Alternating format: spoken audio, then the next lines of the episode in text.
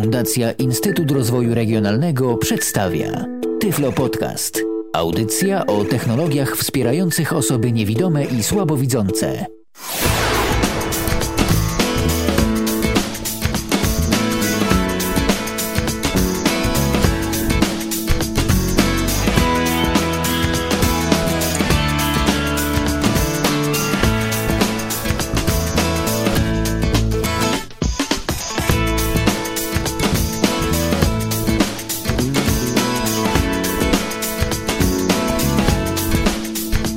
Godzina 19, tu Radio N. Jak zawsze słuchacie nas na www.radio.nfm oraz www.radio.n.pl. Jak w każdy poniedziałek o tej porze, czyli po godzinie 19, spotykamy się z audycją zatytułowaną Tyflo Podcast w Radiu N. Przypominam, że Tyflo Podcast to jest uzupełnienie tego wszystkiego, y, co dostępne jest na naszej stronie internetowej, czyli na www.tyflopodcast.net. To jest audycja na żywo, yy, audycja, w której co tydzień staramy się poruszać różne interesujące interesujące zagadnienia dotyczące osób niewidomych i słabowidzących. Dziś porozmawiamy sobie ewidentnie o nietechnologicznym temacie, mianowicie rozmawiać dziś będziemy o psach przewodnikach. Oj, dużo, dużo dziś gości y, pojawi się na naszej antenie.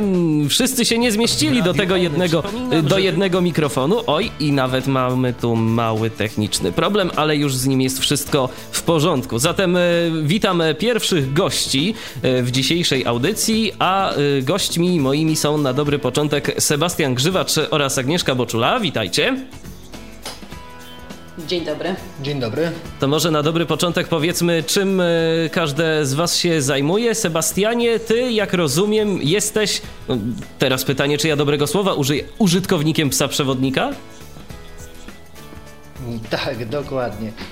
Natomiast przy pomocy psa przewodnika. Dokładnie. Natomiast Agnieszka zajmuje się tresowaniem psów, czyli dba o to, aby taki piesek był po prostu mm, osobie niewidomej przydatny. Jak najlepiej służył. Oczywiście. I na dobry początek sobie o tym właśnie porozmawiamy. Pytanie pierwsze do ciebie, Sebastianie, bo myślę, że o tym trzeba powiedzieć. Jest to dosyć istotna kwestia, y, bo wiele osób niewidomych tak naprawdę nie zdaje sobie sprawy i nie dostrzega różnicy. Y, czym właściwie różni się tak naprawdę pies przewodnik od białej laski, albo czym różni się od chociażby GPS-u, bo niektórym się wydaje, że pies przewodnik to, są, to jest tak naprawdę taka inteligentniejsza wersja GPS-u. A to chyba nie o to do końca chodzi, więc y, czym to zwierzątko, które nam towarzyszy i które nam pomaga, różni się od pozostałych takich pomocy asystujących? Znaczy, ja mogę powiedzieć na swoim przykładzie, kiedy y, już nauczyłem się posługiwać białą laską, poruszać się samodzielnie, nauczyłem się orientacji. Y, czułem się jak taki zniewolony po prostu. Ta laska bardzo mi przeszkadzała w poruszaniu się, bo poza tym byłem mało mobilny, prawda? Nie wszędzie mogłem dotrzeć, przeszkadzały mi samochody zaparkowane na chodnikach, słupki, różne przeszkody na wysokości głowy, zarówno gałęzie, znaki, jak i inne tego typu. E, I wtedy zacząłem się zastanawiać właśnie o psie. Już wcześniej ta myśl przechodziła przez głowę, ale ja bardzo dużo stereotypów żywiłem co do mm, zarówno osób niewidomych, ponieważ jestem osobą ociemniałą. E, dość niedawno straciłem wzrok, i, no i po prostu mi się dawało, że taki pies, ja powydam mu komendę, powiedzmy, mm, nie wiem, Warszawa, on mnie zawiezie do Warszawy.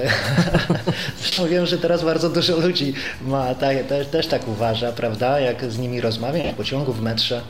I ten też mają takie wyobrażenie e, pracy z psem, że psu się poda adres, pies zaprowadzi.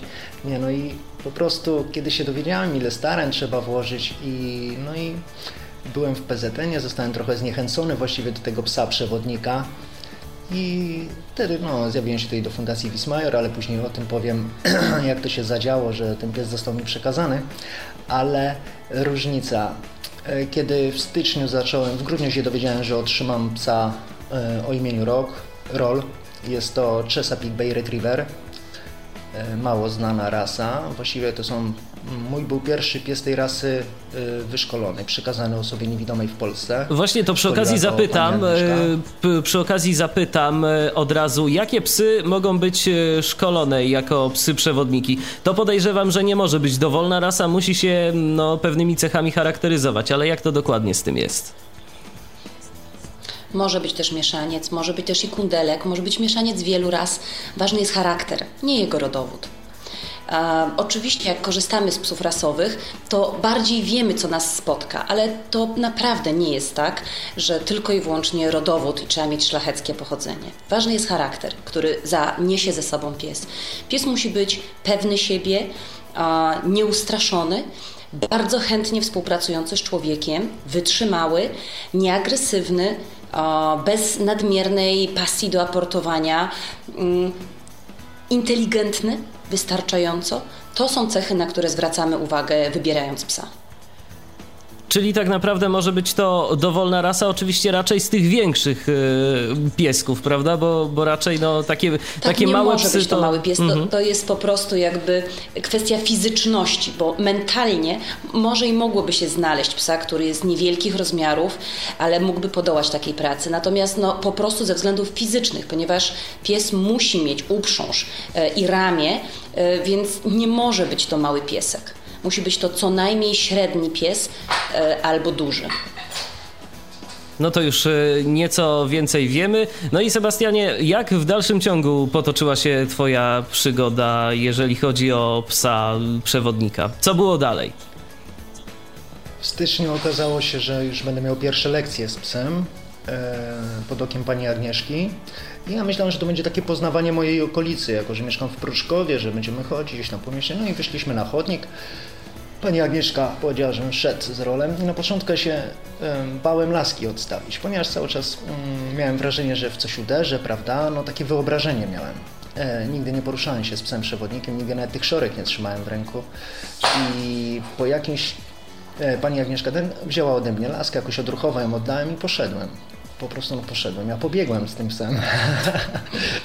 Szliśmy na takiej e, jeszcze jednej smyszy, którą, panią którą pani Agnieszka trzymała i bardzo, bo samo, sam pies wyszkolony, to może to nie jest tak, bo szkolenie trwa cały czas i początki są bardzo trudne. Jak dla mnie były bardzo trudne. Ja często zdarzało mi, że kiedy rol się zatrzymał przy krawężniku, ja go wyprzedzałem, czy na siłę chciałem go ściągać na którąś ze stron, kiedy on chciał ominąć na przykład, to wtedy zima, była śniegu dużo i chciał ominąć e, czy jakiś e, lód na chodniku.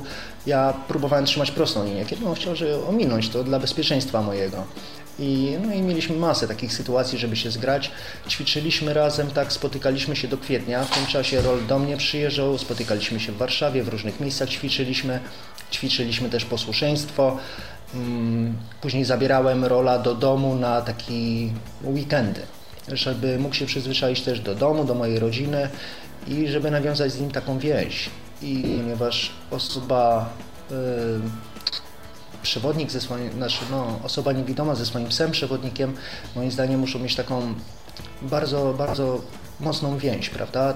Żeby się, no, kochać po prostu, tak naprawdę szczerze kochać, no nie, a zarazem być bardzo konsekwentnym i otrzymałem rola w kwietniu. A, jeszcze co ważne, jak ja zacząłem chodzić, właśnie poruszać się z rolem i on mi pokazał, jak można szybko się przemieszczać. Omieliśmy wszystkie przeszkody. Także te na wysokości głowy. E, to był też okres taki po Sylwestrze, kiedy petardy były, strzały. Rol nie okazywał żadnych oznak strachu. I no ja byłem zafascynowany tym psem. On mi po prostu E, sprawił, że ja się poczułem, jakbym z powrotem widział. Dla mnie to było coś no, nie do opisania, coś pięknego, ponieważ ja mogłem sobie iść i myśleć o czym chcę, a pies szedł mi się zatrzymał przy krawężniku, wyminął mi słupek, prawda? Z laską to jest niemożliwe, jednak człowiek musi się skupiać na tej lasce, no nie? I później no i tak trwała nasza praca. Później psa otrzymałem już i tam się musiałem z nim poruszać. No początki były trudne, znaczy trudne. To był bardziej strach z mojej strony. Czy ja sobie poradzę bez pani Agnieszki, jak to, bo tak to zawsze pani Agnieszka mogła mi podpowiedzieć, co się dzieje, e, dlaczego się zatrzymuje i ten. I tu i kwestia takiego zaufania. Były sytuacje, kiedy mm, szedłem, a rol mi chciał zejść na ulicę zaznaczając krawężnik i bo stał samochód no ja oczywiście nie wiedziałem, że ten samochód stoi na chodniku, zajmuje cały chodnik i próbowałem na siłę rola, że nie, do przodu, żeby szedł, ponieważ nie wiedziałem dlaczego chcę zejść jednak i wyciągnąłem rękę do przodu, tam samochód stoi. I tak powoli, powoli nauczyłem się zaufania. Część przy pomocy osób widzących, którzy mi podpowiedzieli, że na przykład zszedł, bo na chodniku była kałuża, czy gałąź była. I ja nie zapomnę takiej sytuacji, kiedy raz szedłem i on mi się nagle zatrzymał i nie chciał iść do przodu. Właśnie chciał zejść na e, ulicę. I ja wyciągnąłem laskę i sprawdzam, nic nie ma przede mną i go ciągnę do przodu, on nie. No i go zacząłem mocniej ciągnąć, no i w końcu sam poszedłem do przodu, na smycz go wziąłem i gałęzie były na wysokości głowy. I on po prostu chciał zejść, żeby ominąć tą przeszkodę na wysokości głowy. I ja, tak moim zdaniem, takie, my się cały czas będziemy tak uczyć siebie nawzajem i odgadywać, kiedy się zatrzymuje, kiedy jest przeszkoda, kiedy po prostu czy chce wymusić, żeby pójść tą drogą, bo tutaj jest droga do parku i on by chciał pójść pobiegać, prawda? To trzeba trzeba później wyczuć po prostu. I to się już wie, jak się z psem dłużej pracuje. Mm, pracujemy bardzo dużo, robimy dziennie po parę kilometrów i na przykład u mnie w Pruszkowie mam dłuższą drogę chodnikiem albo idę przez skrót, nauczyliśmy się chodzić skrótem, no pięknie idzie. Tam nie ma jakichś punktów odniesienia, to są drogi takie polne i no można się tam pogubić. On odnajduje pięknie drogę. Ja powiem nawet, że jak wracam do domu i wysiadam z pociągu, mówię dom, i on mi biegnie prościuteńko do domu. Podejrzewam, że nie musiałbym mu żadnej komendy wydać w lewo, w prawo, przejście biegnie, zatrzymuje się w lewo do przejścia, bo wie, że tędy chodzimy. I no ja zdaję sobie sprawę, że on tak biegnie, bo głodny jest.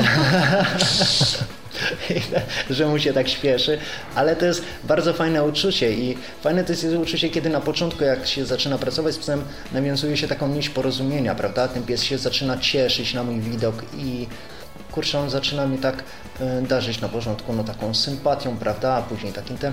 I ja wiem, na własnym doświadczeniu się przekonałem, że e, z całą pewnością mm, nie zamieniłbym się z powrotem na poruszanie z białą laską. Ostatnio musiałem gdzieś pójść i idąc z białą laską się zastanawiałem, Boże, jak ja mogłem sobie radzić bez psa.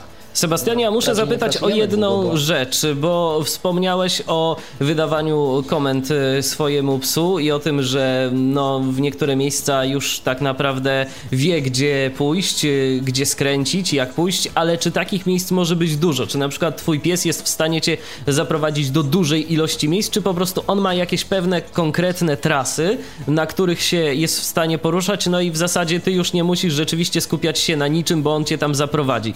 Y, czy tego tego jest dużo, czy raczej nie, jednak nie, nie. trzeba się zastanawiać, gdzie iść? Znaczy nie, no na tym psa, e, praca z psem nie polega na tym, że mówię mu praca i on pójdzie do pracy. On wie, że ja rano wychodzę z nim do pracy i on by mnie tam zaprowadził pewnie no, bez komend, bo zawsze idzie na stację jedną drogą, prawda? E, czasem ją zmieniamy, czasem mm, chodzimy tym skrótem właśnie, bo jest dużo bliżej i ten, ale praca z psem polega na tym, żeby y, cały czas się orientować w przestrzeni, bo tak naprawdę to nie pies nas prowadzi, tylko my wydajemy komendy psu. I trzeba wydawać komendy lewo przejście, podejdzie na lewo do pasów, naprzód przejście, podejdzie naprzód do pasów i Często może się tak zdarzyć, że no, jeżeli bym się zamyślił, to pies by poszedł y, po skosie chodnikiem, załóżmy, i by mnie gdzieś wyprowadził, gdzie bym nie wiedział, gdzie jestem, co kiedyś mi się zdarzyło, przyznam się szczerze na początku, że się zgubiłem. To pytanie takie, jak sobie Ale... radzisz z orientacją y, w takiej y, przestrzeni? Czy korzystasz na przykład z, z jakiegoś rozwiązania typu GPS, czy po prostu no już tak znasz dobrze topologię mm, swojego miasta, że nie jest ci to potrzebne, że wystarczy sam pies? Nie, znam bardzo dobrze topografię całego miasta, zarówno Warszawy, jak i y, Proszkowa, Ursusa, jako że byłem długo osobą widzącą, się przemieszczałem samochodem, także y, nie mam też z tym jakichś problemów, prawda? A pomaga mi właśnie tutaj się bardzo, z laską wiadomo, jak się osoby niewidome, y, co nas słuchają, wiedzą jak to jest, jak człowiek idzie z laską i wie, że gdzieś jest przejście po lewej stronie, ale nie wie dokładnie w którym miejscu, prawda? I no idzie z tą laską, jej szuka, nasłuchuje, prawda, ruchu ulicznego, jak nie ma ruchu ulicznego, no musi sobie w inny sposób doradzić, dojść do ulicy, cofnąć się, prawda, znaleźć to przejście. Psu wydam komendę w lewo przejście, że to przejście będzie za 50 metrów, za 20, za 10, co jakiś czas mu wydaje komendę, oczywiście nie naciskając na niego, bo e, żeby nie przeszedł w niedozwolonym miejscu i spokojnie, i on podchodzi do tego przejścia, on je znajduje, prawda, i to są mm, takie zdalne oczy osoby niewidomej. Po prostu zdalnie sterowany jakby pies na nasze słowa i on na to reaguje. Mówimy mu naprzód, idzie prosto do lewej, do prawej, można dodatkowe jakieś poza szkoleniem powiedzmy komendy y, sobie wprowadzać mm, takie jak chodziliśmy po chodnikach, nie było potrzeby właśnie tego do lewej, do prawej, to później jak tym skrótem chodziliśmy, to do lewej, do prawej. Bardzo szybko pies coś takiego chwyta i ja bym nie zamienił rola już po prostu ani na innego psa. Jest to bardzo duży pies.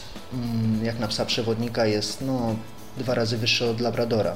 I ten jest kochany, jest bardzo przywiązany. Czesapiki mają jedną taką cechę charakterystyczną, że są zwane psem jednego pana, że on się niesamowicie przywiązuje do jednej osoby i jest dla tej osoby w stanie zrobić wszystko. Ja widzę, jak ja wychodzę nawet do łazienki i pies leży pod drzwiami i patrzy przez te dziurki, co ja robię, kiedy wyjdę. Jest niesamowicie do mnie przywiązany. Tutaj w pracy, jako że pracuję w fundacji, e, wychodzę z jednego pomieszczenia, on już taki czuje, że po prostu tak albo mnie popiskuje, wołać mnie zaczyna, prawda, jak drzwi trzasną, jak jestem z nim sam, myśli, że wyszedłem, to słyszę, jak tam mnie nawołuje tak po swojemu, prawda, no nie pisze, nie szczeka i ten. E, też potrafi się uśmiechać, pokazuje zęby, potrafi tak warczeć. Nawet na mnie, jak mnie rano pogania, żebym szybciej buty zakładał, jak chcemy wyjść, to też tak powarkuje i ten, no, no bardzo sympatyczny jest oraz ta jego miłość, oddanie, jak, e, no to jest nie do opisania naprawdę, no człowiek nie jest w stanie dać takiej miłości, jakie, jaką daje to zwierzę, ponieważ e, pies, nas ko pies kocha nas bezwarunkowo. On nie patrzy na to, czy jesteśmy biedni, bogaci, ładni, brzydcy, prawda? E, tam, czy mamy trzy fakultety, czy jesteśmy bez wykształcenia, na to nie patrzy. Pies nas kocha za to, że jesteśmy, nie za to, jacy jesteśmy. I... No tu bym troszkę podyskutowała. Kocha no, nas za to, no to możemy podyskutować. A. Czyli kocha nas za to, jacy jesteśmy. Nie interesuje go nas, wy, jego, jego nasz wygląd, status majątkowy, ale bardzo psa interesuje nasz charakter. A z jakimi ludźmi, o jakich charakterach najlepiej mądrze, psy to się za co będzie porozumiewają? Nas pies. Y, może pan jeszcze raz y, powtórzyć? Proszę bardzo, pytanie moje było takie, y, z jakimi ludźmi, o jakich charakterach najbardziej psy się no, lubią porozumiewać, z jakimi mają najlepszy kontakt? Różne są psy i różnych właścicieli potrzebują.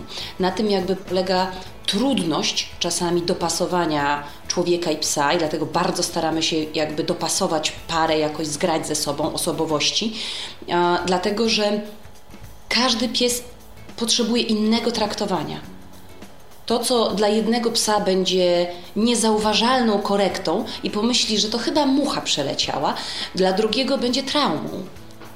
E, pies, każdy pies jest inny, tak jak każdy człowiek. To może teraz powiedzmy, skoro już przeszliśmy do tego tematu, jak właściwie wygląda szkolenie takiego psa? E, ile czasu ono trwa? E, na co wtedy zwraca się uwagę? Jak wygląda właściwie dostrajanie tak naprawdę psa i jego pana do siebie? Powiedzmy, że szkolenie takiego psa trwa około półtora roku, dlatego że zapominamy tak naprawdę często o tym pierwszym etapie szkolenia, które należałoby nazwać wychowaniem, gdzie chodzi o to, żeby pies nauczył się ufać człowiekowi i szanować go. Są to dwa, dwie najważniejsze rzeczy, na których budujemy wszystko. Pies musi absolutnie ufać człowiekowi, wiedzieć, że nie pozwolimy mu nigdy zrobić krzywdy, że przy nas będzie zawsze bezpieczny i musi nas absolutnie szanować, że jeżeli powiemy, że tak ma być, to tak ma być. Nawet jeżeli coś wydaje mu się dziwne, niezrozumiałe, o, nie pasuje mu, on musi być ok, skoro taka jest Twoja decyzja, przyjmuję ją. I to trwa, bo pies musi dobrze w tym dorosnąć i wtedy jest najłatwiej nawiązać z nim właśnie tą relację, a potem uczyć go. W szkoleniu ważne są dwie rzeczy, żeby nie zabić w psie myślenia, ponieważ musi być kreatywny. Um, tak jak tu Sebastian mówił na przykładzie przejścia, że czasami nie wiemy, gdzie to przejście dokładnie jest, czy za 100 metrów, czy za 3 metry, a czasami zdarza się, że osoba niewidoma nie wie, że właśnie minęła to przejście i dopiero wtedy mówi komendę, bo gdzieś to przejście miało być. I pies musi wtedy umieć cofnąć się do tego przejścia. Czyli tak jakby wyłamać się z komendy, że było naprzód, szukaj naprzód po lewej, a on musi się cofnąć, bo mówi, nie no, myśmy dopiero co minęli to przejście i to na pewno o to przejście ci chodziło. Więc nie można zabić w psie kreatywności. Ale z drugiej strony cały czas pies musi być absolutnie podporządkowany. Nie może powiedzieć, o jaki fajny Jorek tam jest, ja pójdę go powącham, bo zaprzyjaźnię się z nim, a później pójdziemy do pracy. Nie, nie, nie, nie. Teraz jesteśmy już w pracy i musisz iść tam, gdzie ja Cię proszę. I to jest bardzo trudne, połączenie tych dwóch elementów. Czyli jak wygląda takie szkolenie? Takie szkolenie, mm, z tego co już mówił Sebastian, przypuszczam, że polega na tym, że po prostu z tym psem się chodzi, ale no, pewnie jeszcze coś więcej trzeba na takim szkoleniu zrobić, żeby ten pies nas zaczął rozumieć, rozumieć to, co my właściwie chcemy od niego. To może niech Sebastian powie, jakie rol umie komendy. Tak, to mm, znaczy, jeżeli wracając jeszcze, E, od stycznia ja, ja się szkoliłem z rolem, rol już był wcześniej szkolony, także był już nauczony komend i po prostu on później już szkolił się razem ze mną, abyśmy stanowili taki zgrany tandem. Nie roderwalny, stały tandem. I tak, no komendy. Zacznijmy od najprostszych, takie posłuszeństwa, siad, waruj, równaj. Mm, do komend, no zostań, yy, miejsce, yy, są komendy teraz takie już w pracy używane na przykład naprzód, e, w lewo, w prawo, e, w lewo, na prawo, w lewo przejście, naprzód przejście, na prawo przejście, góra, dół, mm, drzwi, metra. Mm, fajne jest to, że pies też odnajduje windy i jak są schody, obok jest winda, wystarczy mu powiedzieć winda, prowadzi do windy. No jest tak nauczony, że na pamięć idzie na metro centrum, to od razu biegnie już na, mówię mu winda, to jeszcze się tak na mnie popatrzy, żeby się upewnić, mówię jeszcze raz winda i on biegnie do windy na Mociny, bo jeżdżę zawsze na Mociny, prawda? i ten, czasami zmieniam i jak jadę w przeciwną stronę, to jest bardzo zdziwiony, że nie do tej windy idziemy i ten, ale wykonuję posłusznie polecenie. Jest, no tak jak mówiłem, drzwi, co tam jeszcze jest? Jeszcze ławka. A, ławka jeszcze, że miejsce znajduje mm, w tramwaju, w autobusie, w metrze, wolne miejsce w pociągu. I my szczerze mówiąc wolimy z rolem stać, jako że to jest duży pies i on się rozkłada i ludzie często... Jest taka dziwna sytuacja, ponieważ jak wchodzi, czy osoba nawet e, niewidoma, jak wciska się do pociągu, do metra zapełnionego, warszawiacy wiedzą jak to jest w godzinach szczytu. I wtedy jest masakra, nie można się wcisnąć. Nawet ludzie wręcz, no ostatnio miałem sytuację, że pan mówi, pan się nie zmieści, pan się nie zmieści i przede mnie się wepchnął. ja mówię, co się nie zmieszczę, mówię, rol naprzód i tłum się rozstąpił. Duży pies to miał siłę przebicia. Nie, po prostu ludzie tak szanują te psy, e, że um, ustępują im po prostu miejsca, wolą ścis ścisną się nie wiadomo jak, byle ten pies mógł się położyć. Ja mówię, nie, on usiądzie, nie, nie, niech sobie leży, spokojnie, tutaj się zmieścimy, a ludzie wiszą na poręczach, prawda? Właśnie ja muszę zapytać przy okazji, Sebastianie, skoro już o tym rozmawiamy, skoro rozmawiamy o ludzkiej akceptacji, jeżeli chodzi o, o psy przewodniki, jak to z tym jest? Bo no nieraz się słyszy, że y, gdzieś powiedzmy, no nie pozwolą wejść y, z psem ludzie y, tworzą różne problemy, no teraz to już ustawowo nawet zostało zmienione, ale czy ta mentalność ludzka już rzeczywiście również się tak zmieniła? Nie, nie stwarzają ludzie problemów, jeżeli na przykład chcesz gdzieś ze swoim psem wejść? E, czy nie stwarzają problemów? Bardziej mm, jest taka sytuacja, jako że po mnie nie widać, że jestem osobą niewidomą i tutaj się taki wchodzę z psem i ludzie często mówią, że z psem nie można, prawda, a laski nie mam przy sobie. I dopiero jak mówię, że jestem niewidomy, prawda, i no, pies jest oznaczony prawidłowo, że ustawa mi to gwarantuje, to bez problemu mnie wpuszczają. Ale na początku bardzo często mi się zdarza przy wejściu mm, czy gdzieś do jakiejś kawiarni, restauracji, e, czy też do mm, nawet urzędów miejskich, że z tym psem nie mogę wejść. I ten, ludzie często też myślą, że ja tego psa tresuję. często słyszę takie komentarze, nie przeszkadzaj panu, bo tresuję tego psa. A tu pies już jest wytresowany się okazuje. tak, tak. Bo ostatnio miałem sytuację w urzędzie, panie, urzędzie gminy mm, Urzędzie Miasta Warszawy byliśmy i była sytuacja, że pani mówi, ale po panu nie widać, że nie widzę. Ja mówię, jak to nie widać? Ona, no nie widać, bo pan patrzy na mnie. no to, to jest ten, ale tutaj wracając jeszcze do takiego, jest brak edukacji w społeczeństwie e, w zakresie zachowania się co do psów przewodników. Ale to o tym może później tam w innym wątku też myślę, że jeszcze na pewno do tego wrócimy, bo to kwestia dosyć istotna. A teraz y, pytanie jeszcze do Agnieszki. Powrócę do tego tematu szkolenia, bo na razie z tego, co udało mi się wywnioskować z naszej rozmowy, to to szkolenie jest tak naprawdę dwuetapowe, czyli najpierw pies uczy się sam, później y, uczy się ze swoim y, przyszłym panem. I teraz, y, jak właściwie dobierany jest pies y, do swojego pana? Y, czy to jest tak, y, podejrzewam, że nie, ale mm, może powiedzmy na ten temat nieco więcej. Jak to, jak to właściwie wygląda? Czy każdy nadaje się mm, do współpracy z psem przewodnikiem? Jak wygląda to, że no, taki pies tego swojego pana wybiera? Może to pan wybiera psa? Jak to wygląda? Dajmy na to, ktoś chce mieć psa przewodnika, i co dalej? oczywiście na razie pomijając wszelkiego rodzaju formalności, bo to także jest y, istotna kwestia, ale myślę, że jeszcze do tego wrócimy. Tak, jeżeli chodzi o formalności, to proszę, że tak powiem, do biura się zwrócić. No właśnie. ja My przechodzimy do praktyki. formalnościami. Jeżeli chodzi o dobieranie osób i psów, mm, no wiadomo jest, że osoby, które y, są, mają poważne problemy psychiczne, nie mogą mieć psa. Ale jeżeli nie rozmawiamy o tego typu przypadkach, to w zasadzie większość ludzi może mieć psa. Najwięcej zależy od tego, na ile chcą nauczyć się i czasami zmienić, bo żeby mieć psa i korzystać z niego, najczęściej stajemy w sytuacji, że musimy zmienić swoje nawyki, swoje przyzwyczajenia. Yy, mamy zupełnie inną wiedzę na temat właśnie jak to człowiek i pies, a tu się okazuje, że to nie jest prawidłowa wiedza i musimy to w sobie zmienić. Więc okazuje się, że stoimy w momencie, kiedy musimy przebudować sobie życie i światopogląd.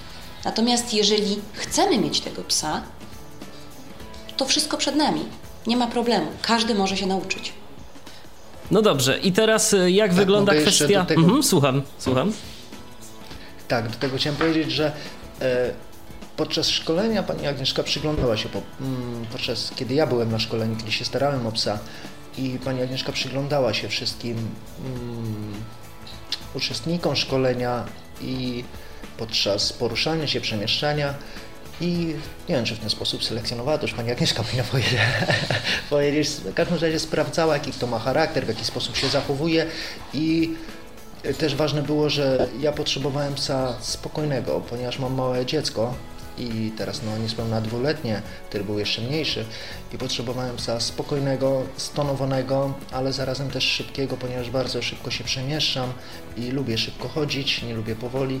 I potrzebowałem psa takiego, że tak powiem, z taką werwą, prawda, bardzo, bardzo takiego szybkiego, ale zarazem też, żeby w domu był spokojny, bezkonfliktowy, żeby nie był przypadkiem agresywny do dziecka i czasapiki mają, mm, jako we wzorcu rasy nawet jest, że to są psy mające cechy psa obronnego, i, ale u mojego rola to jest po prostu pies idealnie do mnie dobrany.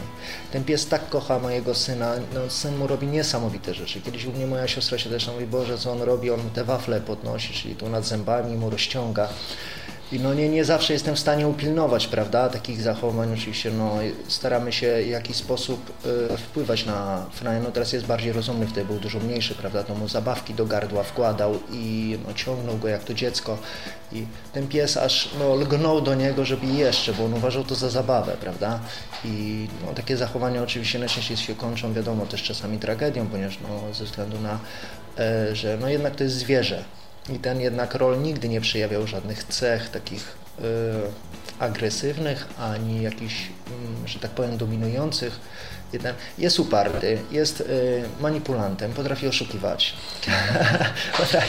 ja mu każę wejść do pokoju, on się wycofuje po cichutku, nie dzwoniąc, mając dzwoneczek, prawda? Albo jak kiedyś mieliśmy, y, jak u mnie był, na kanapę zaczął mi, ja pracowałem przy komputerze, on łapę postawił na kanapie raz, drugi no to krzyknę, że nie stawiał, no bo on tak sprawdzał po prostu granice, na ile sobie może pozwolić. I w końcu po, no jak to pani Agnieszka mówi, one są bardzo uparte i będą próbować. I ten, żeby być stanowczym, konsekwentnym, w końcu położyłem tam takie dzwoneczki, że nie słyszę. I tak jak wyszedłem na balkon, słyszę jak próbuje wejść na to łóżko. Jak wracam, on już schodzi z tego łóżka. Tak no i w końcu go przyłapałem, nakrzyczałem na niego i że od tamtej pory nie wszedł na łóżko. Po prostu sprawdzał te granice.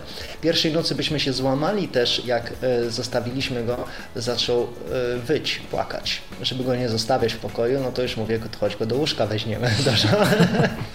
I zadzwonię do pani Agnieszki, pani Agnieszka powiedziała, broń Boże, bo on sprawdza po prostu on po prostu nas sprawdzał, na ile sobie może pozwolić. I, tak. I ważne jest też, Pani Agnieszka mówiła o ludziach, kto się nadaje na psa. Myślę, że też trzeba być bardzo konsekwentnym, jako że i słuchać y, też tresera, jako że no, wiem coś o tym, ponieważ dla psa musi być czarno-białe. I na przykład ja swojego psa podobno czasami się to zdarza wśród nowych właścicieli psów przewodników, którzy mają pierwszego psa, y, utoczyłem rolę. Utoczyłem go przy tym mi 7 kilo. Po miesiącu jak go pani Agnieszka zobaczyła, to się załamała, poszedł na dietę i e, po prostu, bo mi się wydawało, że a to mało, a to to i też popełniłem wielki błąd taki, że jak mój syn coś wyrzucał, to ja pozwalałem psu to zjadać. Na początku tak luzem, e, później nawet i w szorkach, jak był w pracy, co było mm, zakazane, no nie wolno nigdy tego robić. I jak się zorientowałem, po prostu, no tak, tak jest, jak się nie słucha po prostu mądrzejszych. Myślałem, że będę mądrzejszy, że nic się nie stanie. Jak raz, drugi raz pozwolę mu zjeść tam jakiegoś rogala czy paluszki, jak Franek wyrzuci z wózka. I w pewnym momencie ja jadłem sam mm, rogala i rol po niego sięgnął. No i wtedy się tak zreflektowałem, że jednak coś nie tak. I dlatego spotykamy się co jakiś czas z panią Agnieszką, aby e, pani Agnieszka Pat obserwuje nas z daleka, jak my pracujemy żeby później, jak coś nie, e, są jakieś niedociągnięcia, żeby to cały czas poprawiać. To też dużo wychodzi z osoby, mm, która pracuje z psem, jako że e, pracując z psem i nie wolno psu pozwolić na przykład jak jest dróżka osiedlowa, gdzie są pasy oczywiście i pies nie zatrzyma się, bo jest mały, niewyczuwalny krawężnik, my mu pozwolimy przejść, prawda, raz, drugi, trzeci, później pies, e, no istnieje ryzyko, że później też się nie zatrzyma, prawda, trzeba zawsze wrócić, poprawić i po prostu być bardzo konsekwentnym i wymagającym co do psa. Ja uważam, że rol bardzo dobrze pracuje.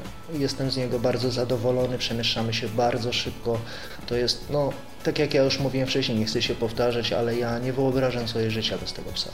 Nasza dzisiejsza audycja to również audycja z Waszym udziałem. Z Waszym udziałem, drodzy słuchacze, rozgadaliśmy się i to zdrowo, ale już za moment uaktywnię nasz internetowy telefon w postaci Skype'a, którego login to przypomnę tyflopodcast.net, bo być może wśród naszych słuchaczy są osoby, które noszą się z zamiarem e, właśnie zdobycia psa przewodnika, więc y, jest dziś szansa zapytać y, ekspertów w tym temacie. Już właśnie w tym momencie mm, udostępniam naszego radiowego Skype'a o loginie tyflopodcast.net. Pi przypomnę, piszemy to tyflopodcast.net. Można dzwonić, można pytać. My teraz robimy sobie małą muzyczną przerwę na no, jak najbardziej psią piosenkę i wracamy za chwilę.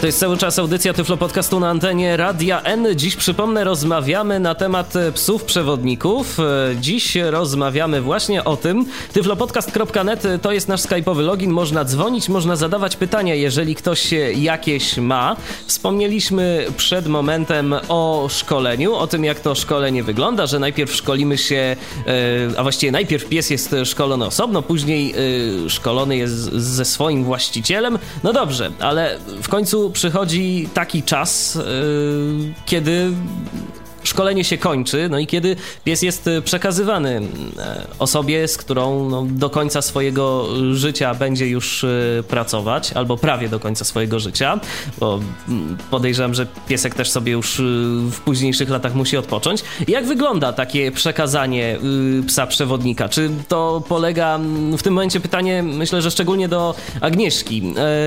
E, jak wygląda przekazanie takiego psa? Czy to jest na, na zasadzie jakiegoś sprawdzianu pana ze swoim psem, czy jeszcze jakoś inaczej? Ja jestem przeciwko sprawdzianom.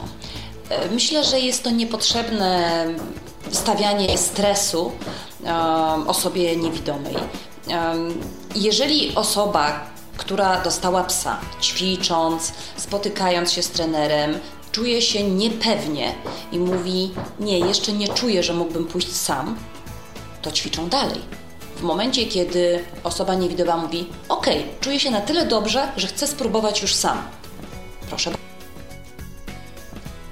Jeżeli tylko stanie się coś, co wystraszy taką osobę, poczuje się źle, niepewnie, rozbiera szorki, wyjmuje laskę i idzie tak jak umie. Dzwoni do trenera, spotykają się jeszcze raz i dalej ćwiczą. Rozwiązują problem. Ja w ogóle jestem przeciwko egzaminom. Dla mnie takie uczenie się na egzamin, żeby zdać i zapomnieć całą wiedzę, to jest właśnie kwintesencja egzaminów. Chodzi o to, żeby w życiu naprawdę sobie poradzić, a nie zdać egzamin. To, to jest moja jakby filozofia życiowa i, i tu nie widzę jakby różnicy żadnej. Przekazanie psa jest długotrwałym procesem um, i tak naprawdę dosyć kosztownym, bo żaden człowiek nie jest w stanie w ciągu dwóch tygodni na kursie nauczyć się, co to jest pies i żeby spotkały ich przenajróżniejsze życiowe sytuacje. W ciągu dwóch tygodni to może się nauczyć wydawać psu komendy i mniej więcej za nim poruszać. Ale rozumieć psa i czuć to nie za bardzo. Na to trzeba więcej czasu. I dla mnie bardzo ważne jest to, żeby osoba, która dostaje psa, miała łatwy dostęp do swojego trenera. Żeby w każdym momencie, kiedy coś się dzieje nie tak, nie rozumie zachowania psa, mogła sięgnąć po telefon, zadzwonić, omówić ten temat. Jeżeli da się to załatwić przez telefon, super. Nie, umawiamy się na spotkanie i robimy coś z tym tematem. To jest najważniejsze. Jeżeli ktoś jest zostawiony bez takiej pomocy, to nie wiem, jak miałby sobie poradzić. Po prostu nie wiem. Jeżeli jeszcze tu cały czas dotyka, dotykamy tego tematu, to myślę, że ważne jest, żeby osoba niewidoma nie bała się sięgnąć po ten telefon, że właśnie nie jest oceniana. No jak to nie poradziłeś sobie? Myśmy to już ćwiczyli. To jest normalne. To jest po prostu normalne, że nie umiemy od razu czegoś zrobić. I po to jest nauczyciel, żeby do niego zadzwonić i razem rozwiązać ten problem. A propos telefonów, to mamy właśnie telefon od naszego wstydzić. słuchacza. Dodzwonił się do nas Paweł. Witaj, Pawle. No dobry wieczór, pozdrawiam Ciebie, Michale, pozdrawiam gości.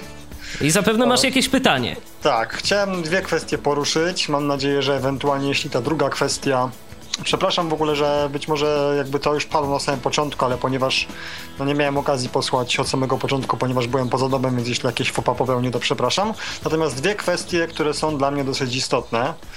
Być może ta druga kwestia będzie okazja powiedzieć nieco później, więc e, być może tutaj goście sobie to zapamiętają. Kwestia, która mnie interesuje bardzo, ponieważ ja nie posiadam jeszcze psa przewodnika i szczerze mówiąc, e, co jakiś czas ten temat do mnie wraca ale to za chwilę powiem, dlaczego jeszcze tego pieska nie mam i jakie mam dylematy. Natomiast kwestia formalna, która mnie interesuje, być może przy formalnościach będzie okazja o tym mówić. Jak wygląda podróżowanie z psem przewodnikiem za granicę? Mam na myśli być może głównie Unię Europejską, bo na pewno jakieś tam przepisy są. To znaczy chodzi mi o to, czy pies ma swój paszport, czy każdorazowo pies musi przechodzić jakieś kwarantanny, etc. Także prosiłbym, żeby ewentualnie o tym opowiedzieć. Natomiast druga kwestia. E, Powiem szczerze, że ja akurat jestem osobą, która niespecjalnie często wychodzi z domu, ponieważ generalnie nie mam takiej potrzeby. No, są to jakieś powiedzmy bardzo lokalne wyjścia, typu najbliższy sklep.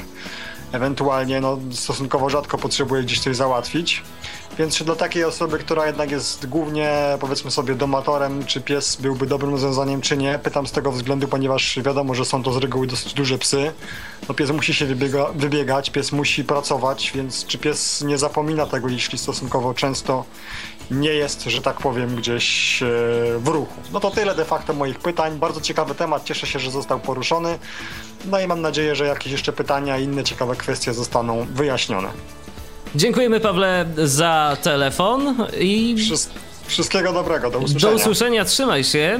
Zatem teraz Dziękujemy. odpowiemy na pytania naszego słuchacza. Oczywiście. E, tak, myślę, że słuchacz sam sobie odpowiedział na pytanie. Jeżeli poruszałby się z psem bardzo mało, to kiedy ten pies miałby się zmęczyć?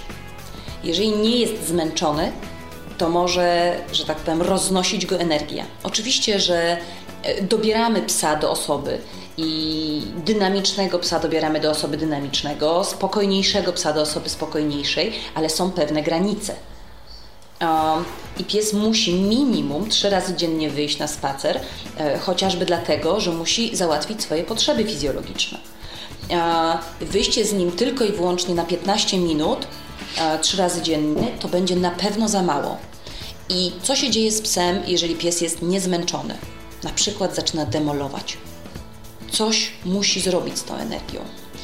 Um, więc jeżeli rzeczywiście ktoś porusza się naprawdę mało, to chyba pies po prostu nie pasuje do tej osoby. Nie pamiętam, jakie było drugie pytanie. Drugie pytanie, jak wygląda kwestia podróży zagranicznych?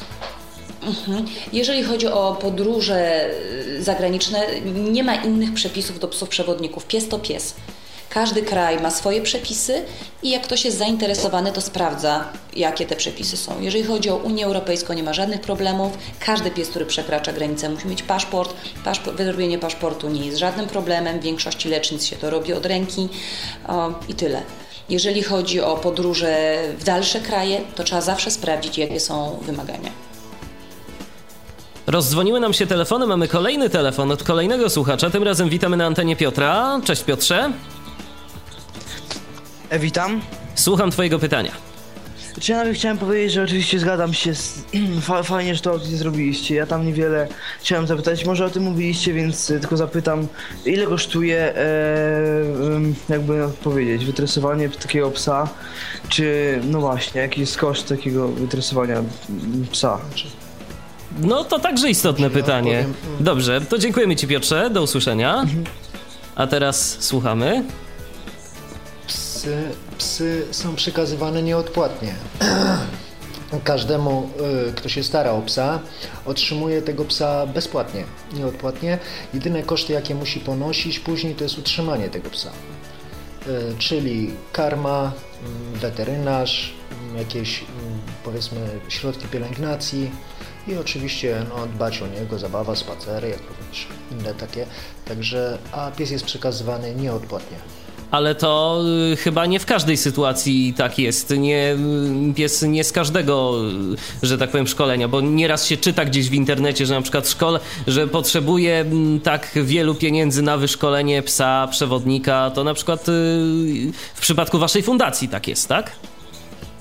Znaczy, teraz mówimy o przekazywaniu psa, że przekazujemy psa bezpłatnie, ponieważ wyszkolenie psa to jest koszt nawet dochodzący do, tu już pani Agnieszka może powie. O, w cyfrach nie jestem dobra, ale powiedzmy, że w okolicach 15-20 tysięcy złotych. Ale tak jak y, mówimy, jakby to, to nie, nie jest ważne dla osoby, która chce mieć psa, ponieważ ona go dostaje nieodpłatnie. Tak to wygląda. To ja bym chciał powiedzieć, mhm. że to nie są koszty jakieś wygórowane, to są no, bardzo niskie, ponieważ to jest ciężka praca człowieka, który szkoli tego psa. Ja tak e, słucha. Na początku myślałem, że szkolenie psa to będzie takie, że osoba bierze sobie treser, jak on fajnie ma, poszkoli trzy psy, no nie, i w ciągu roku tyle kasy ma. nie, to jest ciężka praca i szkoli się psy rano, o świcie, wieczorem, po no, o zmierzchu, w tłoku, w różnych warunkach, prawda, atmosferycznych i trzeba z tym psem non-stop pracować, non-stop 5-6 mm, razy w tygodniu I z tego co wiem, prawda, jak dla mnie to jest bardzo ciężka praca. To jest praca fizyczna, psychiczna, trzeba być naprawdę mm, człowiekiem. E, tutaj się ukłonię w stronę pani Agnieszki. Mieć niesamowitą wiedzę nawet co do psów i żeby potrafić psa wyszkolić. To nie jest tak. Ostatnio pani mi na szkoleniu, jak byłem, zadała pytanie, bo ona miała psa, mm, pani widząca. I ona sobie nie zdawała sprawy, że koszty psów, szkolenia psów są tak duże. I ona myślała, że wyszkolenie takiego psa to jest tak, ona kupiła sobie kiedyś miała psa, kupiła sobie książkę i w trzy miesiące go wyszkoliła. Według tej książki. I ona myślała, że ten pies też tak był szkolony, że ja sobie go tak wyszkoliłem i on mi tak chodzi przy nodze po prostu. I, że na, I że na tym polega szkolenie psa, prawda? Także no, edukacja społeczeństwa jest bardzo niska. Ale jeżeli jest zainteresowany e, kolega Paweł, jak nie, jak nie zapomniałem, to zapraszamy do odwiedzenia naszej strony internetowej www piesprzewodnik.org.pl Tam może sobie poczytać o psach, jak również w jaki sposób można się starać o psa przewodnika. A to teraz e, kolejne pytanie, które mm, przychodzi mi na myśl i myślę, że nie jedna osoba, czy widząca, czy niewidoma, mm, słysząc o psach przewodnikach, zadawała sobie takie pytanie. No dobrze, ale ja tu mam sobie takiego pieska, jakiegoś tam powiedzmy, nawet i większego, czy jeżeli on już y, ze mną jest przez jakiś czas, to czy w ogóle na przykład miałoby sens, powiedzmy mam psa od dwóch lat i czy y, jest jeszcze w ogóle jakikolwiek sens poddawać go takiemu szkoleniu, żeby on się nauczył być psem przewodnikiem, czy to już jest takie szkolenie, które musi być przeprowadzone na samym początku i yy, dorosłych psów nie ma sensu poddawać takim szkoleniom? Teoretycznie jest to możliwe. Um, ale musi się złożyć na to jakby parę dobrych rzeczy, że pies e, oprócz tego, że jest duży i rasy wskazującej na to, żeby się nadawała, to że naprawdę będzie miał taki dobry charakter. Ponieważ nie każdy labrador do tego się nadaje. powiem coś strasznego. Coraz mniej spotykam labradorów, które podołałyby takiej pracy. I dlatego nie wszystkie nasze psy mają rodowód. Okay? Po drugie, pies nie może być w trakcie jego wychowania, nie może dojść do strasznych błędów. On powiedzmy, że może nie być doszkolony, nie idealnie, ale nie powinno dojść do strasznych błędów, a czasami dochodzi. Czyli, że pies, dajmy na to, nauczył się polować na drobne zwierzęta i zabijać je. Labradory to bardzo lubią. Albo, że pies był tak niepodporządkowany, że zaczął być agresywny do ludzi, co też się zdarza. I powiedzmy, że to w tej chwili są takie dwa błędy, które mi przychodzą do głowy, które eliminują psa, żeby przerobić go na psa przewodnika. Nie jest to moja ulubiona wersja, żeby źle wychowywanego psa szybko przerabiać, doszkalać i wyszkolić, ale nie mówię, że jest to niemożliwe. No rozumiem, czyli można, ale na pewno będzie to I wymagało żeby więcej miał pracy. 6 miesięcy, a nie 2 lata. No dokładnie. No. Bo 2 lata to on już powinien pracować, ponieważ koszt wyszkolenia takiego psa jest bardzo duży. To lepiej jest, żeby te psy szły do pracy jak najwcześniej, bo jeżeli dwuletniego zaczniemy szkolić, to trzyletni zacznie pracować, e, a jako dziewięciolatek e, będzie musiał być emerytowany. W związku z czym bardzo nam się skraca czas jego pracy. Psa odbieramy, mamy już tego psa w domu, chodzimy z nim, spacerujemy, służy nam wiernie, ale teraz y, nasuwa się kolejne pytanie, co zrobić, y, żeby ten pies nie zapomniał tego wszystkiego, mm, co się nauczył? Y, jak podtrzymywać te umiejętności, które zdobył podczas, podczas szkolenia? Jeżeli z nich korzystamy, a wydaje mi się, że korzystamy chodząc z tym psem, to jakby nie ma konieczności e, przypominania mu, bo przecież zawsze skręcamy i w prawo i w lewo. Chyba nie ma osoby, która by skręcała tylko w prawo e, i trzeba przyjść na szkolenie, żeby psu przypomnieć, jak brzmi komenda w lewo. Ale oczywiście jest mnóstwo powodów, żeby zrobić sobie lekcje doszkalające przez całe życie psa. Na przykład pies może doznać urazu. Sytuacja bardzo częsta. Psy wskakując do pociągu wyrywają sobie pazurki, mają uraz, wpadają między pociąg a peron, mają uraz. I to jest sytuacja, gdzie warto jakby umówić się na szkolenie i z powrotem jakby tego psa nauczyć, jak się wsiada do pociągu i żeby nie bał się tego. Kolejna sytuacja. Zawsze może się zdarzyć, że spotka nas w życiu coś, czego ten pies nigdy w życiu nie widział i przerasta go. Na przykład szklane schody. I pies mówi: Nie, po tym się nie da wejść. To jest wszystko przezroczyste, ja na to nie wejdę. I też warto byłoby się umówić, żeby powiedzieć temu psu: Ok, ja wiem, że to wygląda dziwnie, ale da się przez to chodzić. Um, sytuacja, którą ostatnio widziałam, która myślę, że niestety zdarzać się będzie wszystkim psom pracującym, przewodnikom. Bardzo często, jak idzie osoba niewidoma z psem pracującym, to jeżeli idą ludzie z naprzeciwka i widzą taką osobę, to schodzą jej z drogi, ułatwiają jej przejście. Celem wyszkolenia takiego psa jest, żeby umiał omijać ludzi. I po iluś miesiącach albo latach pracy psa, pies zaczyna mieć takie wrażenie, że przed nim się tłum zawsze rozstępuje, jak przed Panem Bogiem. I kiedy ludzie nagle nie są twarzą, a tyłem, to on też potrafi się tak zatrzymać, powiedzieć: Halo, halo ludzie, rozstąpcie się. E, przecież ja tu idę, ja, pies przewodnik. I czasami trzeba mu przypomnieć: Halo, ty balonie wielki, nie możesz ich ominąć? A, przepraszam, już umiem. I to jest taka rzecz, którą po prostu od czasu do czasu trzeba mu przypomnieć, że nie wszyscy się przed wielkim balonem rozstępują i czasami trzeba wrócić do omijania przeszkód. A z ciekawości często się, mm, y, często ludzie ustępują? Y, rzeczywiście? Pies tak, y, Sebastian, ty może z własnego doświadczenia, Jeżeli... chodząc z psem, przewodnikiem, to często 99% ustępują? ludzi schodzi z drogi. 99% ludzi schodzi z drogi, 1% wpada e, i no, ale bo to też ja rozumiem, po prostu jest duży tłok, prawda? Ludzie idą na nas, no i większość ludzi nas omija i powiedzmy pod rotundą w Warszawie w godzinach szczytu, no nie można przejść po prostu nie trącając się, prawda? Ja czytam i podziwiam tego psa, jak on obrywa razy, ponieważ ludzie nie patrzą. No też jest inna kwestia, że no ostatnio się zastanawiałem, czy sobie kamizelki nie założyć odblaskowej, żeby zwrócić chociaż trochę na siebie uwagę, aby nie ten, ponieważ często są też komentarze, że zajmuje no, za dużo miejsca z tym psem, że jak ja chodzę, że na spacer sobie gdzie indziej powinienem go wyprowadzać i ten ale ten pies bardzo dużo obrywa. Ja nie wiem, dlaczego on jest tak, mm, to nie wiem, czy to tylko czesapiki tak mają, to już pytanie do Pani Agnieszki, ale jak jest jakieś mm, zagrożenie, on mnie zostawia i bardzo często obrywa jakimiś walizkami, koszykami w sklepie, e, kiedy ludzie idą prosto na nas, on zachodzi drogę, staje przede mną i po prostu sam obrywa, żebym tylko, no tu się jego właśnie to oddanie, prawda, i takie przywiązanie oraz mm, on sobie nie wyobraża, żeby coś mogło mi się stać.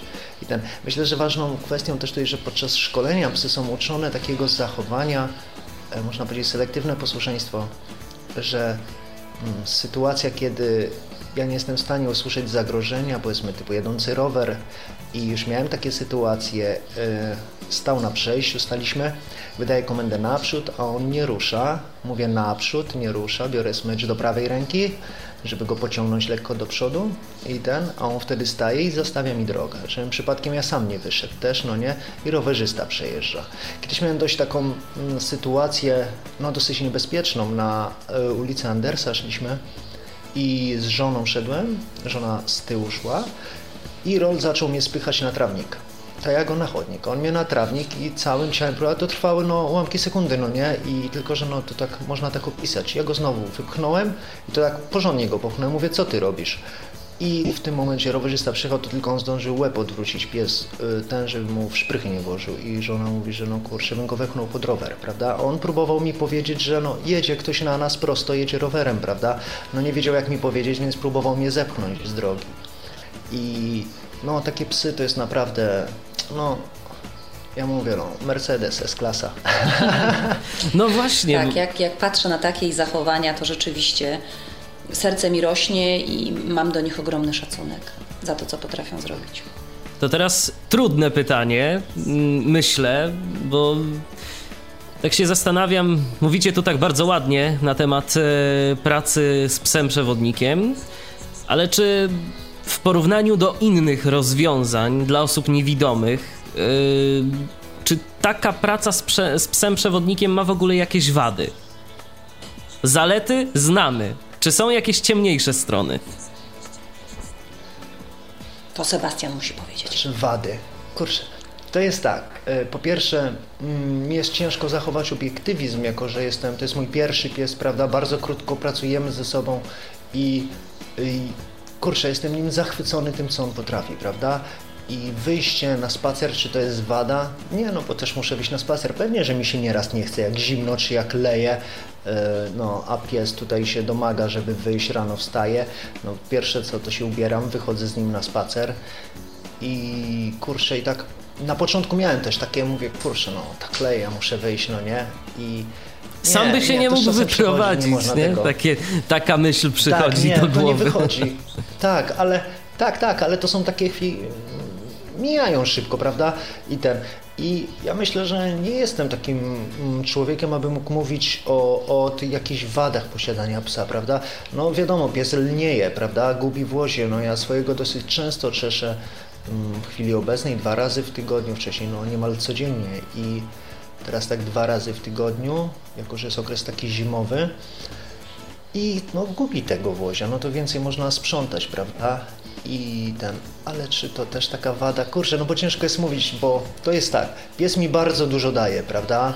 I to, co on mi daje, to są po prostu, co sobie ja muszę za to, powiedzmy, płacić tym sprzątaniem, wychodzeniem na spacery, to to jest nic. Tym, co się mogę mu odwdzięczyć, pieszczotami, zajmowaniem się nim, głaskaniem, no, czesaniem, tuleniem, prawda, karmieniem, e, w ogóle pielęgnacją jego, e, dbaniem o zdrowie, takie rzeczy, to to jest nic w porównaniu z tym, co, co ja przeżywam dzięki temu psu. A właśnie, a propos- a propos zabaw- jak widząca osoba. A propos zabaw z psem, e, to y, jak psy przewodniki reagują na mm, taką sytuację? Myślę, że niejednokrotnie się spotykałeś. E, Idziesz sobie gdzieś z psem i teraz e, ktoś podchodzi, ale ładny piesek, y, można pogłaskać, można się pobawić i tak dalej, i tak dalej. E, Jak to wygląda? Mm, Czy psu wtedy na coś takiego pozwalać, czy raczej unikać takich sytuacji? Czy go to nie rozprasza? Nie no, rozprasza jak najbardziej, no to są mm, ponad emocje. E, Ja to porównuję też do takiej sytuacji, może no trochę nieadekwatna, ale że no jak jest niesamowicie wierny mąż, prawda? Jedzie samochodem, a mu nagle jakaś blondyna staje i no i z dużym biustem i macha, prawda? No i się odwróci, no zainteresuje się, prawda? Może nie zdąży zahamować służki, kolizja jakaś będzie i Czasem jest podobnie, jak go człowiek zaczepia. Nie no, już tak na wesoło trochę to wziąłem. E, bardzo, bardzo emocjonalnie podchodzą. Czasapiki też są takie bardzo wrażliwe, prawda? I one kochają ludzi. I dlatego, ale ludzie też nie rozumieją, że nie wolno zaczepiać. Nieraz mam sytuację, że ja mówię, żeby nie zaczepiali, on mówi, ja wiem, że nie można, ale nie mogą się oprzeć, czy nie mogą się oprzeć. E, raz miałem sytuację taką, no to już taka mm, z bardziej niebezpiecznych, kiedy Wróciłem ze Szczecinka, poszedłem na dworzec, dworzec zachodni na pociąg i stanąłem. Najpierw kobieta zaczęła zaczepiać psami na peronie. Mówiłem, żeby nie zaczepiała, ona dalej tam próbowała go zaczepiać, ponieważ to się czuje po psie. Jak ma się tą uprząż, to się czuje każdy ruch psa. Mm, I ten, no ale podjechał pociąg, mówię drzwi, Rol podszedł do drzwi, ja obok niego stanąłem, w tym momencie mówię mu hop i w tym momencie ta kobieta złapała mnie do przodu, mnie popchnęła, chciała mi pomóc i wpadłem pod, e, między pociąg, a no wyłożyłem się dobrze, że tak do przodu poleciałem, że tam wpadłem do środka i ten, i Rol stał ogłupiały, ona zaczęła mi pomagać, to już mnie tak zirytowało, no i wsiadłem do tego pociągu, a ta kobieta dalej tego psa zaczepia. Ja w końcu wypaliłem, czy pani chce mnie zabić i ten, mówię, przecież pani go rozprasza cały czas, ona próbowała go ciastkami dokarmiać. I, ten, I no często się zdarza, wsiadam do pociągu ktoś mnie woła tutaj, tutaj do tych drzwi, kiedy rol mi wybiera inne drzwi, ponieważ tutaj jest tłok się kłębi, prawda? I on sobie woli iść do tych po prawej drzwi, ponieważ tam jest mniej ludzi, no nie, albo nie ma w ogóle ludzi, a ktoś mnie na siłę próbuje tutaj i mi nie do mnie mówi, tylko do psa. I woła psa. Mówi, chodź, chodź, chodź, mm, tutaj, prawda? tu są drzwi, tu są drzwi. Ludzie też potrafią tłumaczyć, no to jest takich zabawnych sytuacji, że mówią do psa, tłumacząc mu drogę. Mówią tam piesku, tam pójdziesz w lewo, skręcisz. I... Pies oczywiście takich możliwości, taki... takich zdolności percepcyjnych nie posiada. Powiedzmy to jasno. Nie posiada. Oczywiście ja się, no czasami się czuję. Często ludzie zwracają uwagę właśnie na psy, a nie na osoby, które są z psami. I, no i też to jest masa stereotypów, prawda, na temat psów, że psy mm, raz, że rozróżniają kolory, no bo skąd ja wiem kiedy przejść, prawda, e, no bo pies pewnie rozróżnia kolory. E, albo że no trochę widzę, no bo skoro idę do przejścia, czemu tutaj nie przechodzę, tylko idę do pasów. to na pewno widzę. Ostatnio też miałem takie zdarzenie. Jest dużo takich sytuacji niebezpiecznych, dużo zabawnych, ale to też wynika z braku edukacji naszego społeczeństwa, e, jak należy pomagać osobom też i niewidomym i również jak się zachowywać w stosunku do psów przewodników, że najlepiej odwrócić wzrok, nawet no, najlepiej nie nawiązywać nawet kontaktu wzrokowego z psem. I odwrócić wzrok po prostu i go zignorować.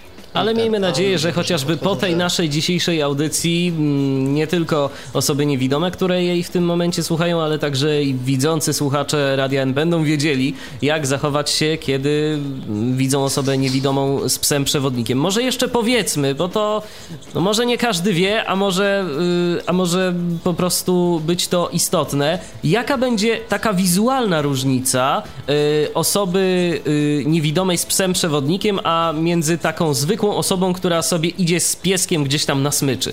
To jest y, chyba inna forma y, tej całej uprzęży, prawda? Bo to inaczej troszeczkę wygląda. Tak, to są tak zwane szorki. To jest taki skórzany pas, który się z takim popręgiem, który się zakłada na e, łeb, na kark i od spodu się zapina. No różne są rodzaje szorek, ale idea jest jedna, aby dobrze psa czuć w tych szorkach i do tego się przyczepia taki tak zwany pałąk, też są różne, e, no tak jak z ubraniami, prawda? I różne jakieś formy tego pałąka, w każdym razie no powiedzmy w kształcie prostokąta i na tym jest napis najczęściej e, pies asystujący. Znaczy powinien być taki napis i pies asystujący, pies pracujący. I to taki znak rozpoznawczy e, osoby niewidomej, gdyż nie wszyscy niewidomi poruszają się z laską. Jak wiemy, po nie wszystkich niewidomych widać to, że są niewidomi, prawda? I ludzie często też, mm, no wręcz agresywnie e, reagują na to, że idzie się środkiem chodnika, powiedzmy z psem i się zajmuje cały chodnik. I ten, no w każdym razie prawidłowo pies oznaczony to jest w szorkach, no nie każdy pies nosi takie szorki. Tylko psy przewodniki praktycznie i ma ten napis pies asystujący. Wystarczy, jak osoby widzące nas widzą i będą dzisiaj metrem wracać, to chętnie pokażę. Ja bym tak powiedziała, że to ramię, sztywne ramię e, jest takie najbardziej charakterystyczne, bo powiedzmy, że w tej chwili bardzo modne jest chodzenie z psami w różnego typu szeleczkach i to może trochę mylić. Natomiast e, nie widziałam jeszcze, żeby ktoś e, spacerował z psem, żeby do szelek dopięte było sztywne ramię. My używamy akurat metalowych ramion, one mogą być z różnych materiałów zrobione, ale jest ono sztywne i no oprócz przewodników osób niewidomych, to jeszcze nie widziałam, żeby ktoś tak spacerował. Także to ramię mówi nam, że to chyba jednak jest pies pracujący. I to sztywne ramię to jest, to jest w kształcie, to wygląda jak taki jakby, jak dobrze rozumiem, taki pałąk, który się po prostu trzyma i on jest przymocowany do szelek, tak? Czy, czy to jeszcze coś innego? Tak. Tak. Tak. W kształcie litery U. No i teraz już wszystko jasne. Jeżeli coś takiego zobaczycie, to będziecie wiedzieć, że osoba niewidoma idzie z psem przewodnikiem. No zresztą jeszcze e, napis również e, będzie istotny i będzie można z niego coś e, wywnioskować. tyflopodcast.net to jest nasz skype'owy login. Piszemy, przypomnę, tyflopodcast.net. Można dzwonić, można pytać bo być może jeszcze o czymś nie powiedzieliśmy, a coś Was ciekawi. Czekamy na telefony. Póki co robimy sobie znowu małą muzyczną przerwę. Będzie teraz piosenka, może niekoniecznie o psie, ale z psem w tle. A do rozmowy wrócimy już za chwilę.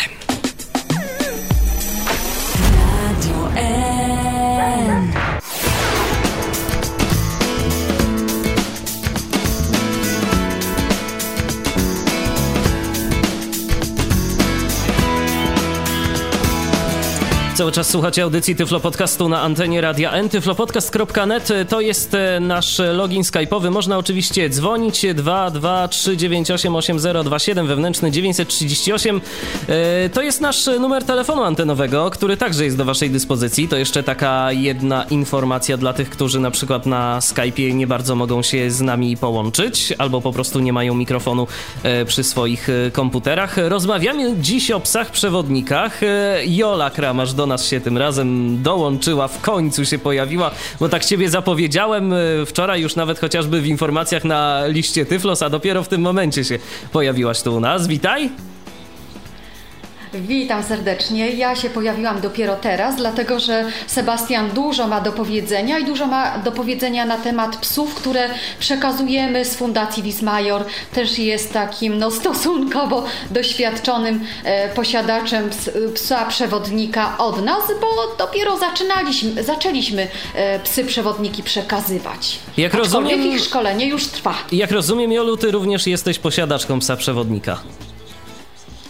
Tak, mój pies e, według światowych standardów wkrótce osiągnie wiek emerytalny, ale no, olbrzymie ma doświadczenie zawodowe i bardzo, bardzo, bardzo mi pomaga. A jak się wabi?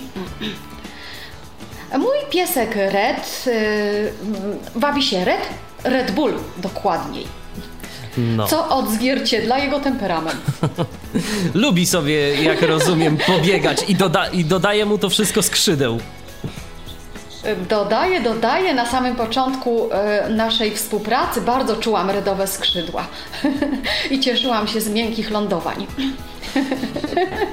Czym dłużej pracowaliśmy, tym bardziej miałam e, takie poczucie, że pies przewodnik e, może być dobrze wyszkolony.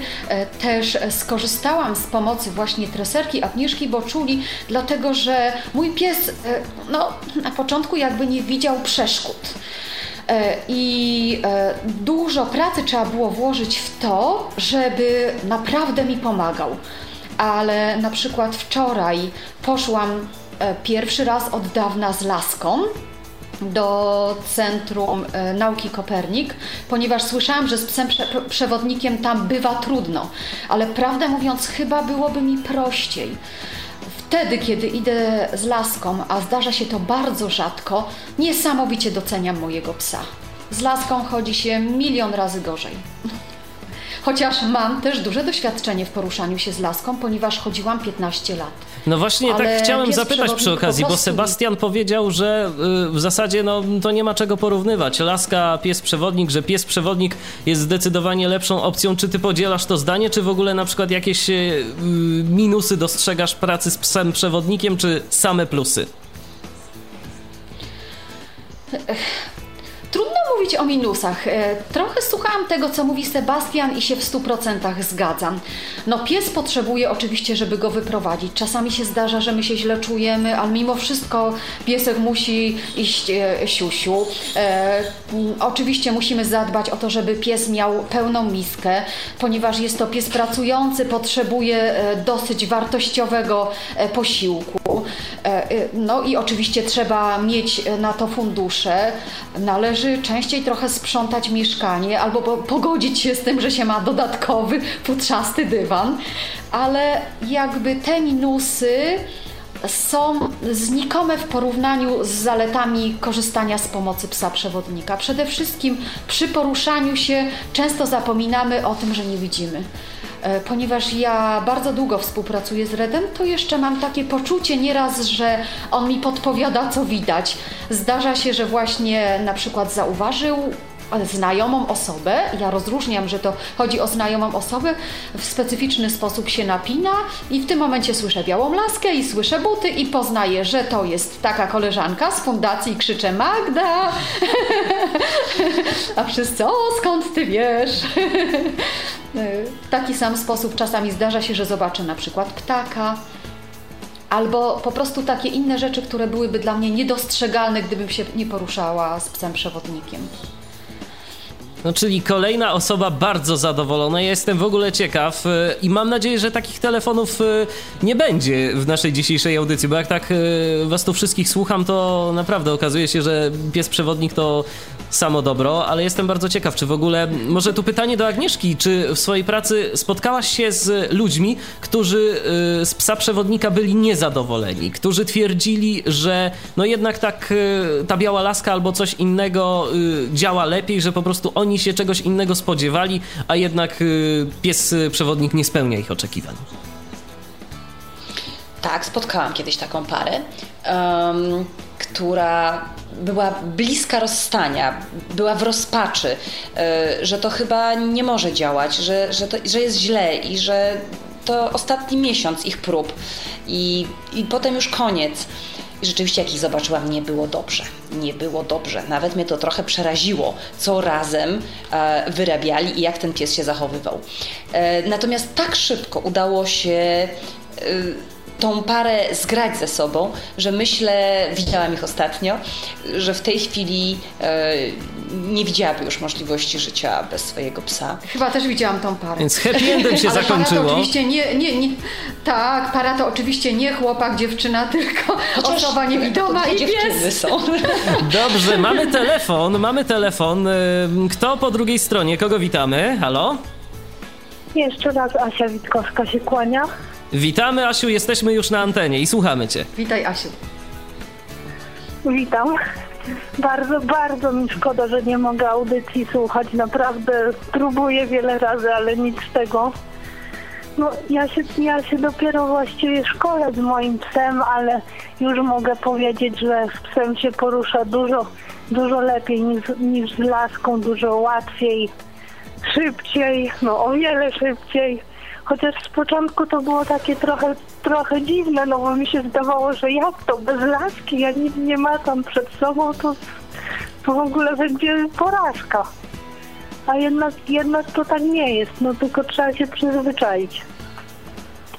No to tylko się, tylko się cieszyć. A ile już czasu pracujesz ze swoim psem? Szkolimy się od maja chyba. Tak, od maja już. No to już trochę czasu i postępy, jak no, rozumiem, trochę, są. Trochę czasu, tak. Myślę, myślę, że tak. No to... Przynajmniej się, staramy się obydwoje. No to tylko się cieszyć i miejmy nadzieję, że te wasze starania nie pójdą, nie pójdą na marne. No zresztą na pewno nie pójdą na marne. Kwestia po prostu tego, żeby odpowiednią ilość czasu się pouczyć, poobcować z psem tak, i wszystko będzie trzeba, tak jak trzeba. Trzeba pracować z psem. No trzeba, właśnie. Trzeba z nim pracować.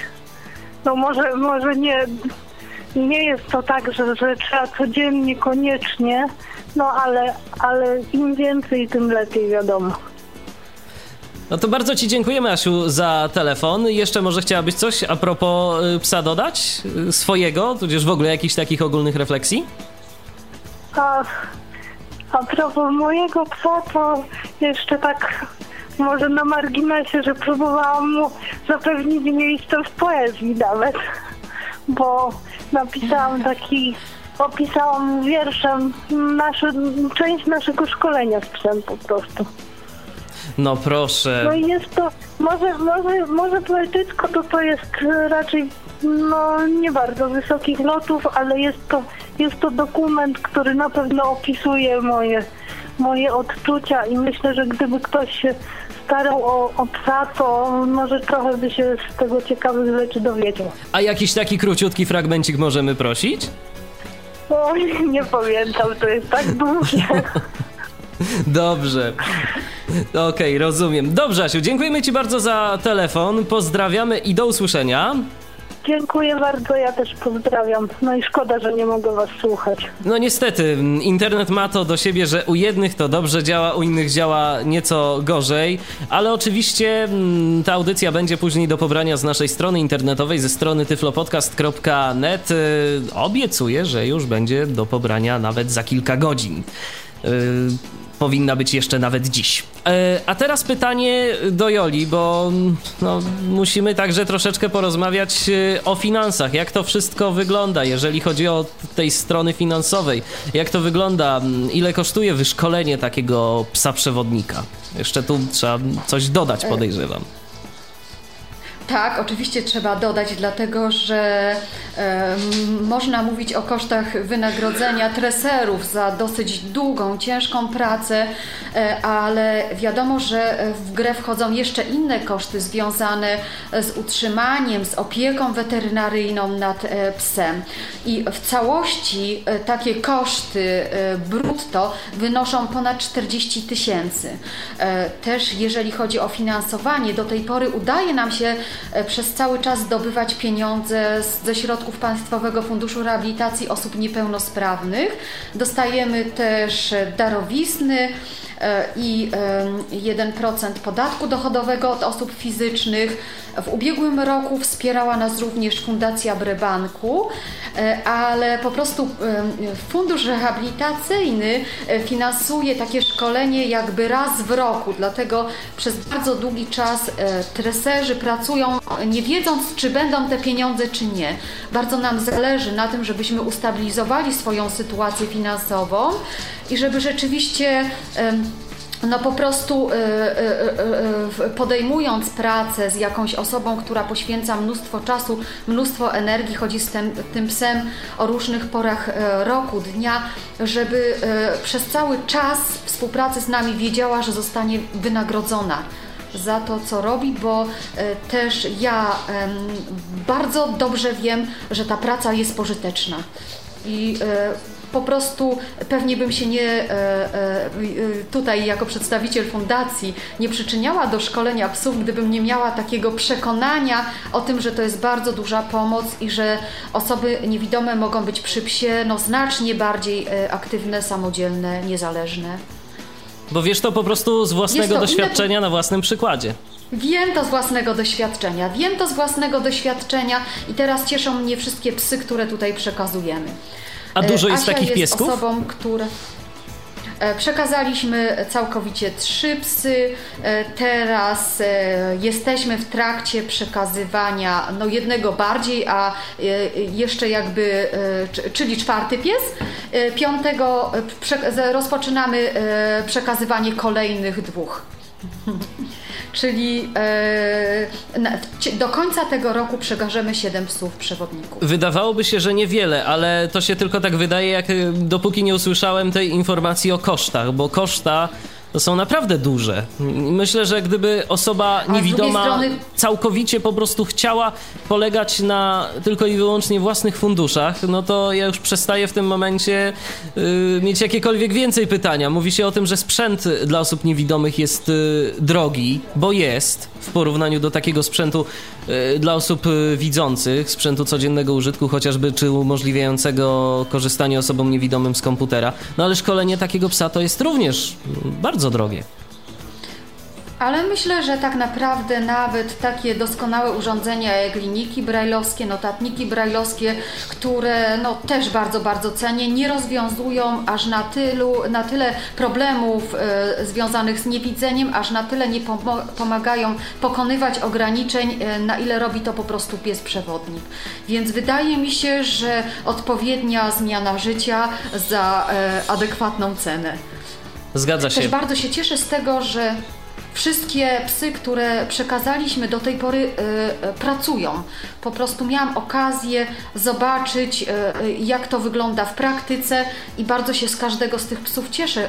Cieszę się, że one dobrze sobie radzą i że też znalazły dobre domy u osób niewidomych to ja się cieszę również z tego. Mm, to jest cały czas audycja Tyflo Podcastu na antenie Radia N, przypominam. Przypominam także, że możecie do nas dzwonić i pytać e, jeszcze przez e, kilkanaście, kilkadziesiąt najbliższych minut, bo w tej chwili na naszym zegarze za 29 minut będzie 21.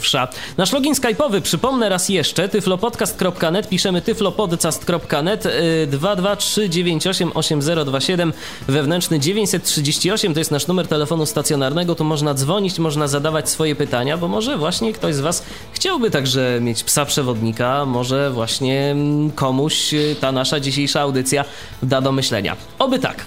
No to dobrze, to my teraz znowu robimy sobie chwilę muzycznego wytchnienia. Będzie kolejna psia piosenka. Puszek okruszek, mały piesek, z którego przewodnika to raczej nie będzie, ale mm, piosenka z psem w tle, więc teraz jej posłuchajmy i do rozmowy wrócimy już za chwilę. Radio N.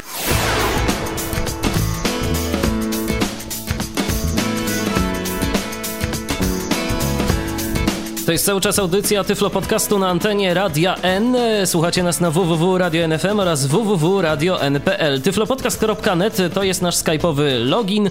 Oczywiście również jesteśmy do waszej dyspozycji pod telefonem 223988027 wewnętrzny 930 8. Agnieszka Boczula, Jolanta Kramasz i Sebastian Grzywacz to nasi dzisiejsi goście. Teraz e, kolejne pytania, które mam właśnie do naszych dzisiejszych gości. E, teraz myślę, że pytanie do Agnieszki. Czy właściwie pies przewodnik, e, czy wiesz coś na ten temat? Czy ten pies lubi swoją pracę tak naprawdę? Hmm. On ma poczucie misji. Nie tylko lubi swoją pracę. To, że lubi swoją pracę, widać Rano, jak zdejmuje się szorki, pies natychmiast się zgłasza, merda ogonem i sam się w nie wbija. To chyba lubi, jeżeli chce być w nie ubrany. Ale to jest drobiazg. Sytuacja, w której pies jest właśnie kreatywny, um, tak jak sytuacja, o której opisał Sebastian, że pies widział nadjeżdżający rower i pomyślał, że najlepiej będzie jednak zrzucić właściciela na trawnik, czego jest uczony, że nie wolno mu robić bo tak będzie najszybciej i najbezpieczniej, to jest kreatywne. jeżeli ktoś nie kocha swojej pracy, to nie będzie w niej kreatywny. Zrobi od do, tyle ile mu kazano i nic więcej. A jeżeli ktoś stać go na to, żeby wymyśleć zupełnie nowe rozwiązanie, które nie było mu pokazywane, które wiąże się nawet y, z przecięciem pewnych zakazów, znaczy, że ma poczucie misji Sytuacja, w której pies bierze na siebie ciosy, a robią to, widziałam to nieraz, kiedy zamykają oczy i wiedzą, że za chwilę dostaną tą torbą i mówią ok, ok, i robią to nawet psy delikatne i wrażliwe, których nigdy nie podejrzewałabym o to, że są w stanie coś takiego zrobić. To nie jest tylko, że one lubią swoją pracę. To jest coś dużo, dużo więcej. Czasami się zdarza, że na przykład y, idziemy gdzieś, pies skręca, my wiemy, że y, poprzedniego dnia było tam przejście, więc mówimy pieskowi źle, bo myślimy, że no może on sobie jeszcze nie, nie jesteśmy zżyci, na przykład myślimy sobie, no może pola z zasłuką. Y, I mówimy pieskowi źle. No, potem mi się kiedyś zdarzyło, że wpadłam do ta, takiego, w takie miejsce, które było remontowane ale psu przewodnikowi nie przeszkadza. Następnego dnia, kiedy jest znowu jakaś przeszkoda, on omija. Mimo, że wtedy mu powiedziałam źle, mimo, że e, jakby no po prostu był słownie skarcony za to, że się zachowywał prawidłowo. Czyli tak naprawdę współpraca z psem pracę. przewodnikiem to jest y, zaufanie z obu stron zarówno jednej, jak i drugiej. Pies y, ma zaufanie, bo musi mieć zaufanie do swojego pana, ale także pan musi mieć zaufanie do psa. Tak, i te, tego zaufania e, uczymy się w trakcie współpracy z psem. E, to nie jest tak, że od początku e, mamy zaufanie, po prostu przyzwyczajamy się do siebie, coraz lepiej pies pracuje i wtedy w nas to zaufanie wzrasta i również wzrasta w psie. Wiadomo, że czasami nie jesteśmy konsekwentni, bo nie widzimy ale pies ma zaufanie, że mimo naszego jakiegoś błędu, który, y, który, który popełniliśmy jednego dnia, y, i tak, i tak, e, no po prostu go lubimy, i tak, i tak czegoś e, stałego od niego oczekujemy jest dla nas ważnym naszym pieskiem przewodnikiem. Wspomniałaś jakiś czas temu, że twój pies zbliża się już powolutku do emerytury, więc mm, jak to jest? Czy to zawsze e, te 9 lat to jest wiek emerytalny, czy to zależy od rasy, mm, od tego jak ten pies się czuje? No i jak właściwie ta psia emerytura wygląda? On już w tym momencie, kiedy przechodzi na emeryturę w ogóle przestaje być psem przewodnikiem, czy po prostu zmniejsza się jego aktywność? Polsce, na przykład w Polskim Związku Niewidomych, e, pies może pracować do 12 roku życia, ale trochę chyba trudno sobie wyobrazić, żeby on był do 12 roku życia zupełnie sprawny. Natomiast ja sobie wyobrażam, że mój pies będzie pracował dopóki e, pozwoli mu na to zdrowie, dopóki się będzie komfortowo czuł pod takim fizycznym względem e, w swojej pracy.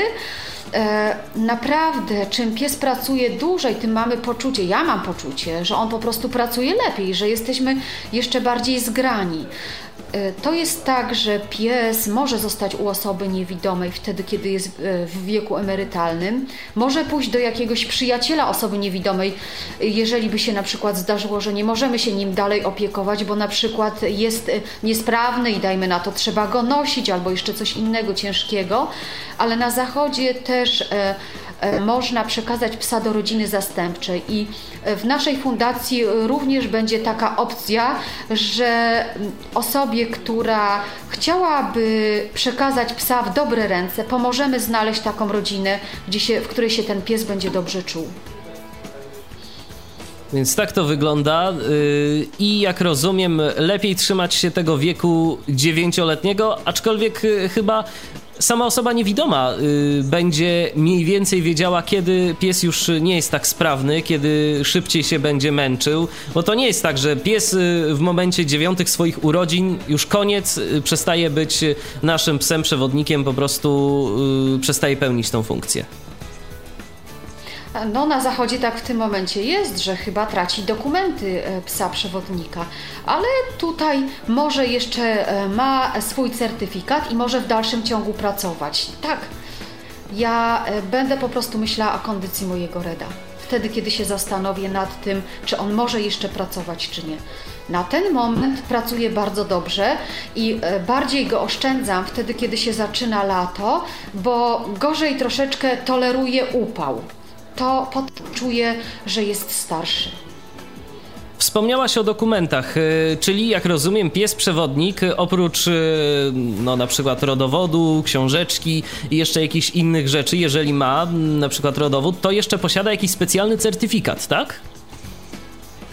Tak, to jest taki certyfikat instytucji, y, która ma prawo udzielania certyfikatów psom asystującym. I y, nasza fundacja, Fundacja Wismajor w ubiegłym roku zdobyła tego typu uprawnienia, które jakby nadaje Biuro Pełnomocnika Rządu do spraw osób niepełnosprawnych. W związku z tym możemy przekazywać osobom niewidomym dokumenty, które uprawniają do przemieszczania przemieszczania się e, z psami przewodnikami swobodnie w różnego rodzaju miejscach użytku publicznego. I takie dokumenty to znaczy, dobrze jest mieć ze sobą, jak rozumiem. Takie dokumenty dobrze jest zawsze mieć ze sobą.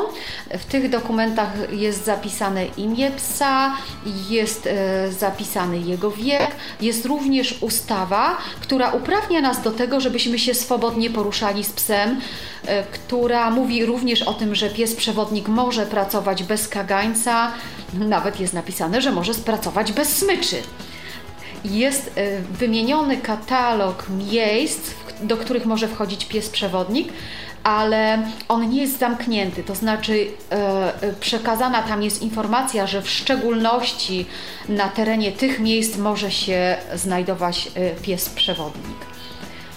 A jakie to takie najistotniejsze Zresztą, miejsca? A czy są w ogóle jakieś miejsca, do których pies przewodnik nadal nie może wejść?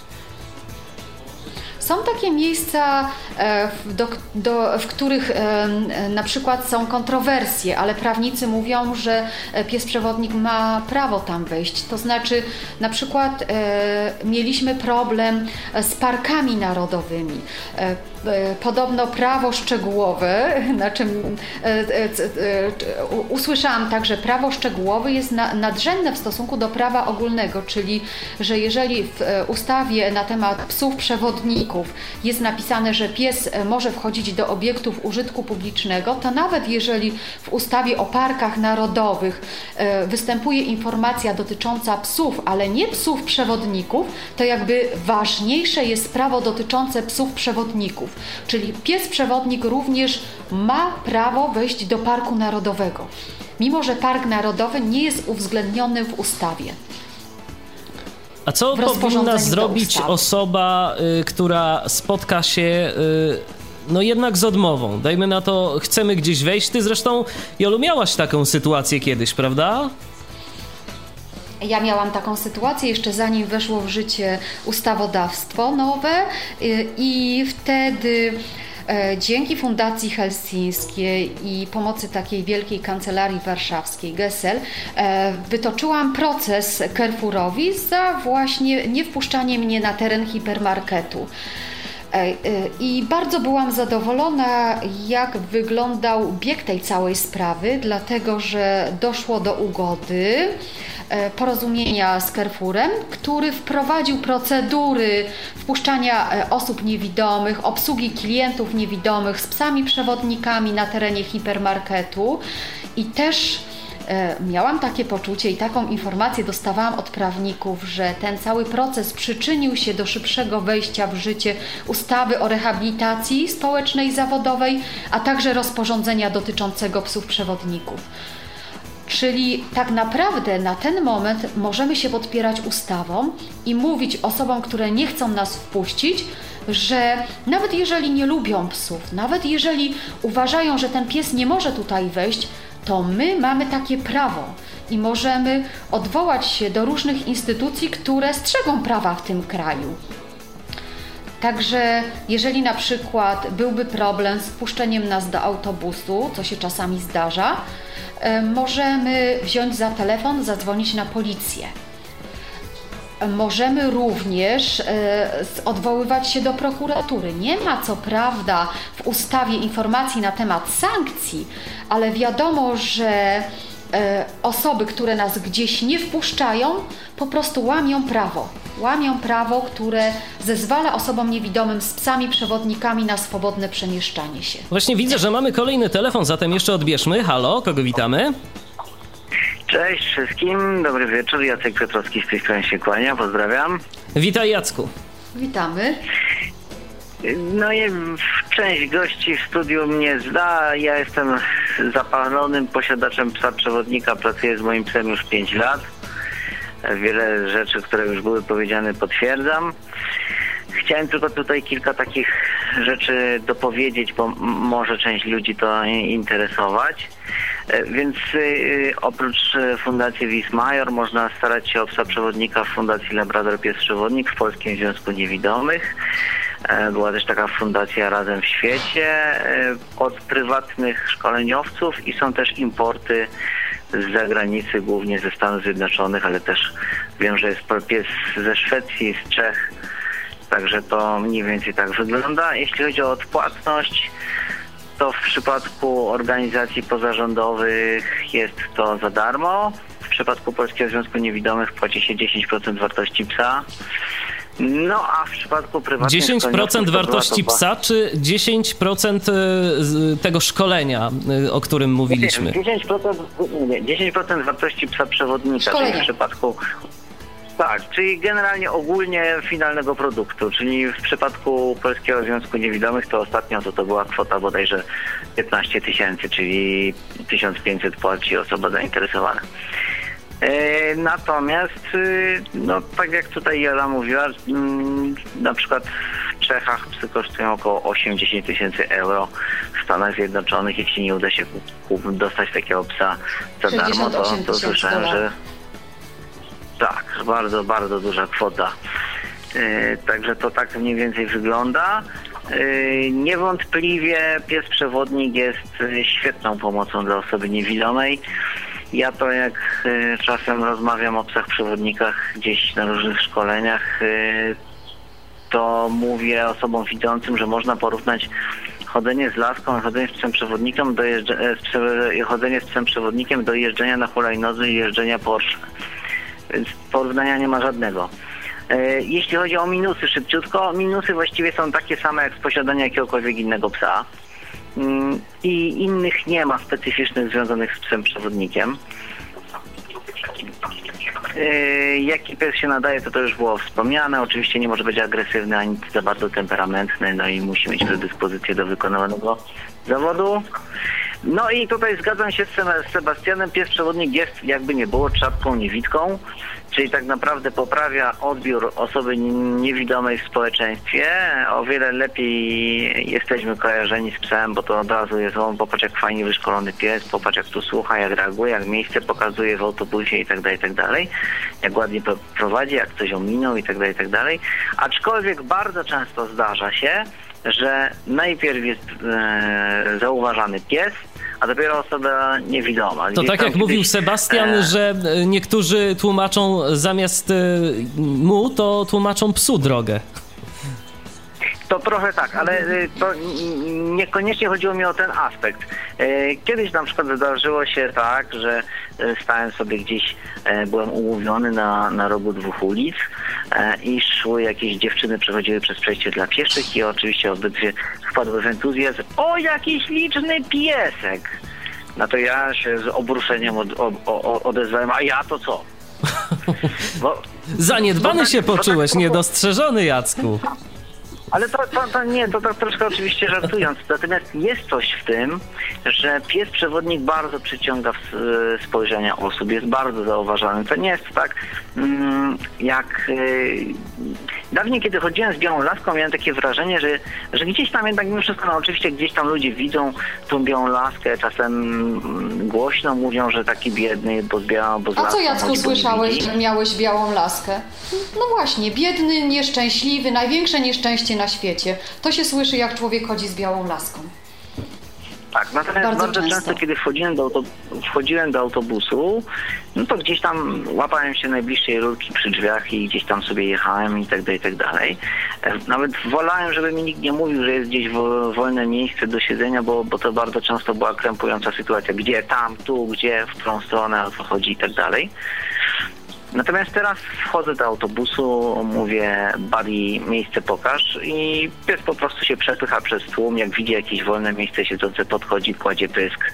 Ja sprawdzam sobie dłonią e, po kłębie, karku, głowie, kufie. Mówię, super, świetnie, znakomicie i zajmuję miejsce, oczywiście wszyscy. Widziałeś, widziałeś jak pokazał miejsce?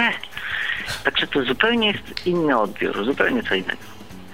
Pies po prostu jakieś takie chyba sympatyczniejsze wrażenie budzi niż ta biała laska. Na pewno, tak, to, to na pewno. E, chciałem też jeszcze powiedzieć, że, e, że pies przewodnik e, powinien, dobry pies przewodnik zaznaczam, powinien być taką premią dla aktywnych. Jeśli ktoś jest zrehabilitowany, aktywny, pracuje, uczy się, coś robi, nie wiem, jest społecznikiem, to taki pies mu na pewno się przyda, bo, bo będzie mu jeszcze łatwiej. E, ja tutaj już nie, nie, nie chcę wykluczać osob, inne osoby, natomiast mówię, że takim osobom na pewno będzie e, ten pies bardzo przydatny. E, także, także to, to, to niewątpliwie. Jest szereg pewnych tam mm, pewnych, pewnych zasad, kto może takiego psa dostać. No, na przykład nie wolno nadużywać alkoholu, narkotyków i tak dalej no, oczywiście wtedy nie można współpracować z takim psem. Natomiast ja chciałbym zapytać e, tu was wszystkich e, o jedną rzecz, bo powiedziałeś na przykład Jacku, że mm, twoim zdaniem pies przewodnik to mm, powinna być taka premia dla aktywnych. A czy na przykład jest takie prawdopodobieństwo i czy może ktoś z was może powiedzieć o tym z własnego doświadczenia, że pies przewodnik Y, bardziej usamodzielnił tą osobę niewidomą? Czy ona musi już jednak być naprawdę dobrze zrehabilitowana, żeby y, w ogóle móc się ubiegać o takiego psa przewodnika? Są takie. Ja myślę, że pies mm, przewodnik. No i teraz pytanie, kto pierwszy?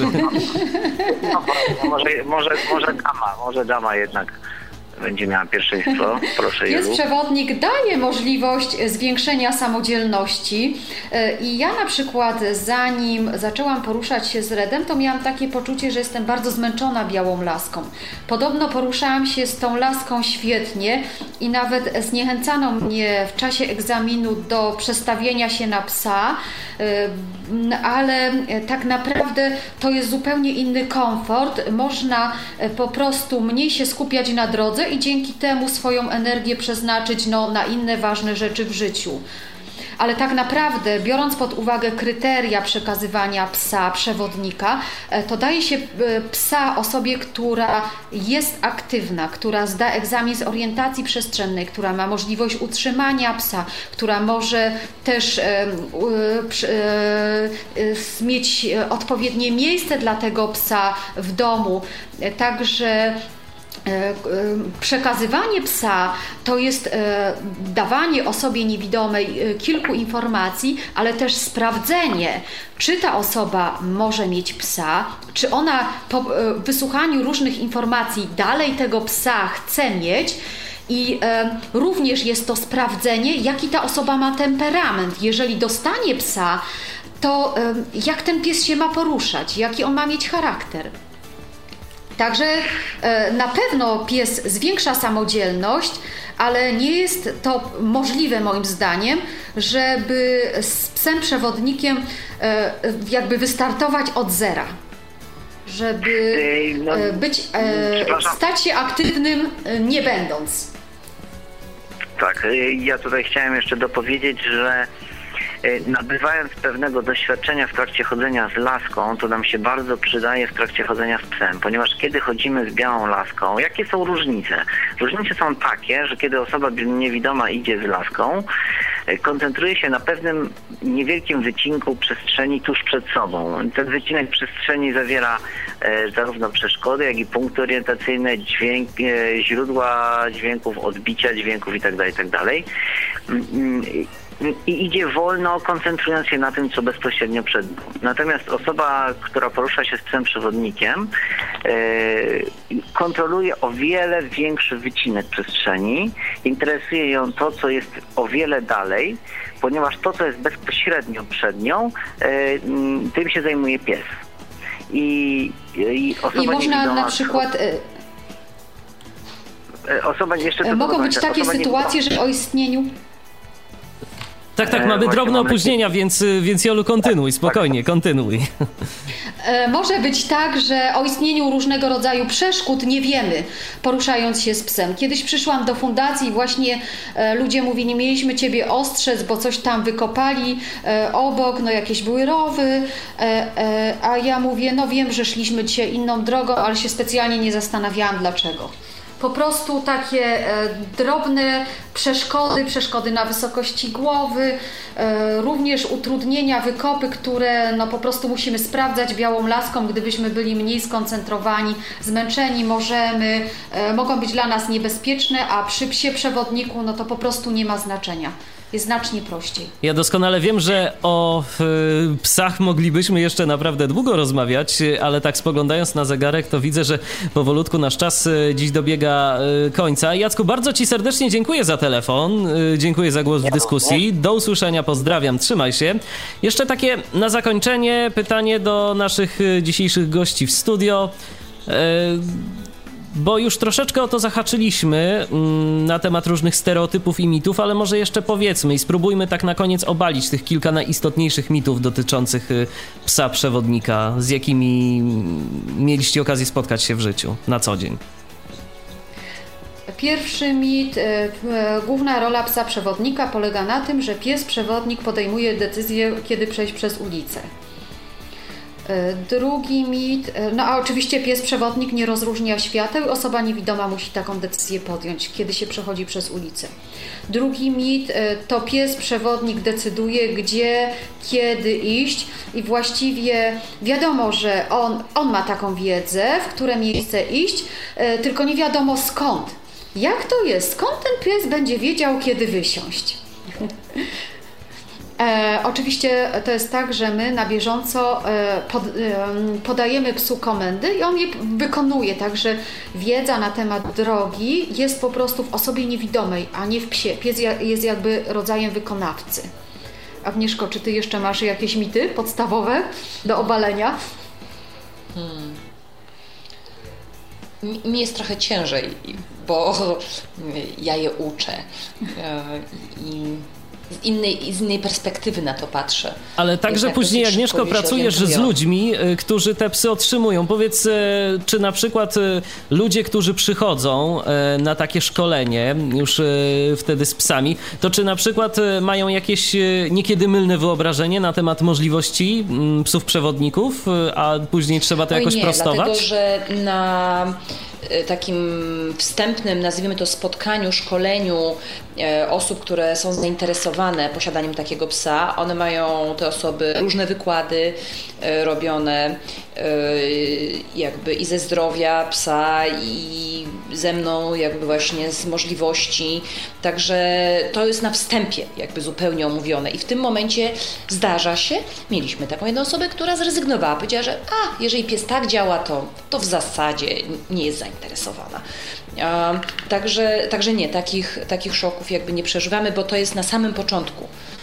I bardzo taki podstawowy mit, że pies jest nauczony e, raz na zawsze, ma taką wiedzę wtłoczoną do głowy, nie wiem jaką metodą, i po prostu on wszystko umie i wykonuje zawsze już dobrze.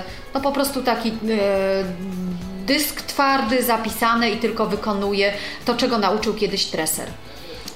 No ja też właśnie taka, zahaczyłem jakby... o to, ja też właśnie zahaczyłem o to na samym początku naszej dzisiejszej audycji, że pies przewodnik to mm, niektórzy postrzegają go jako taki inteligentny GPS, który może zapamiętać masę punktów, my mu powiemy idziemy, nie wiem, na przykład yy, do pracy albo powiedzmy do sklepu na drugim końcu miasta i on już będzie wiedział o jaki sklep nam chodzi i będzie w stanie nam tam zaprowadzić jak po sznurku.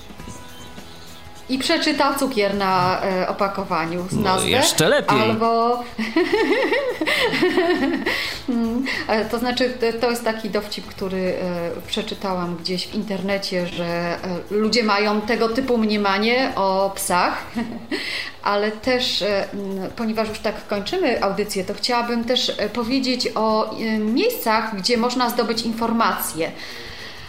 To znaczy, Zastanawiam się, czy jeszcze gdzieś, ale na pewno na naszych stronach internetowych e, www.fundacjawismajor.com, Dogopedia, Kompendium Wiedzy o Psach Przewodnikach i e, www.piesprzewodnik.org.pl Tam można znaleźć wiersz o szkoleniu Asi Witkowskiej ze swoim psem Brysiem i również takie informacje bieżące na ten temat, co się dzieje w Fundacji Pies Przewodnik.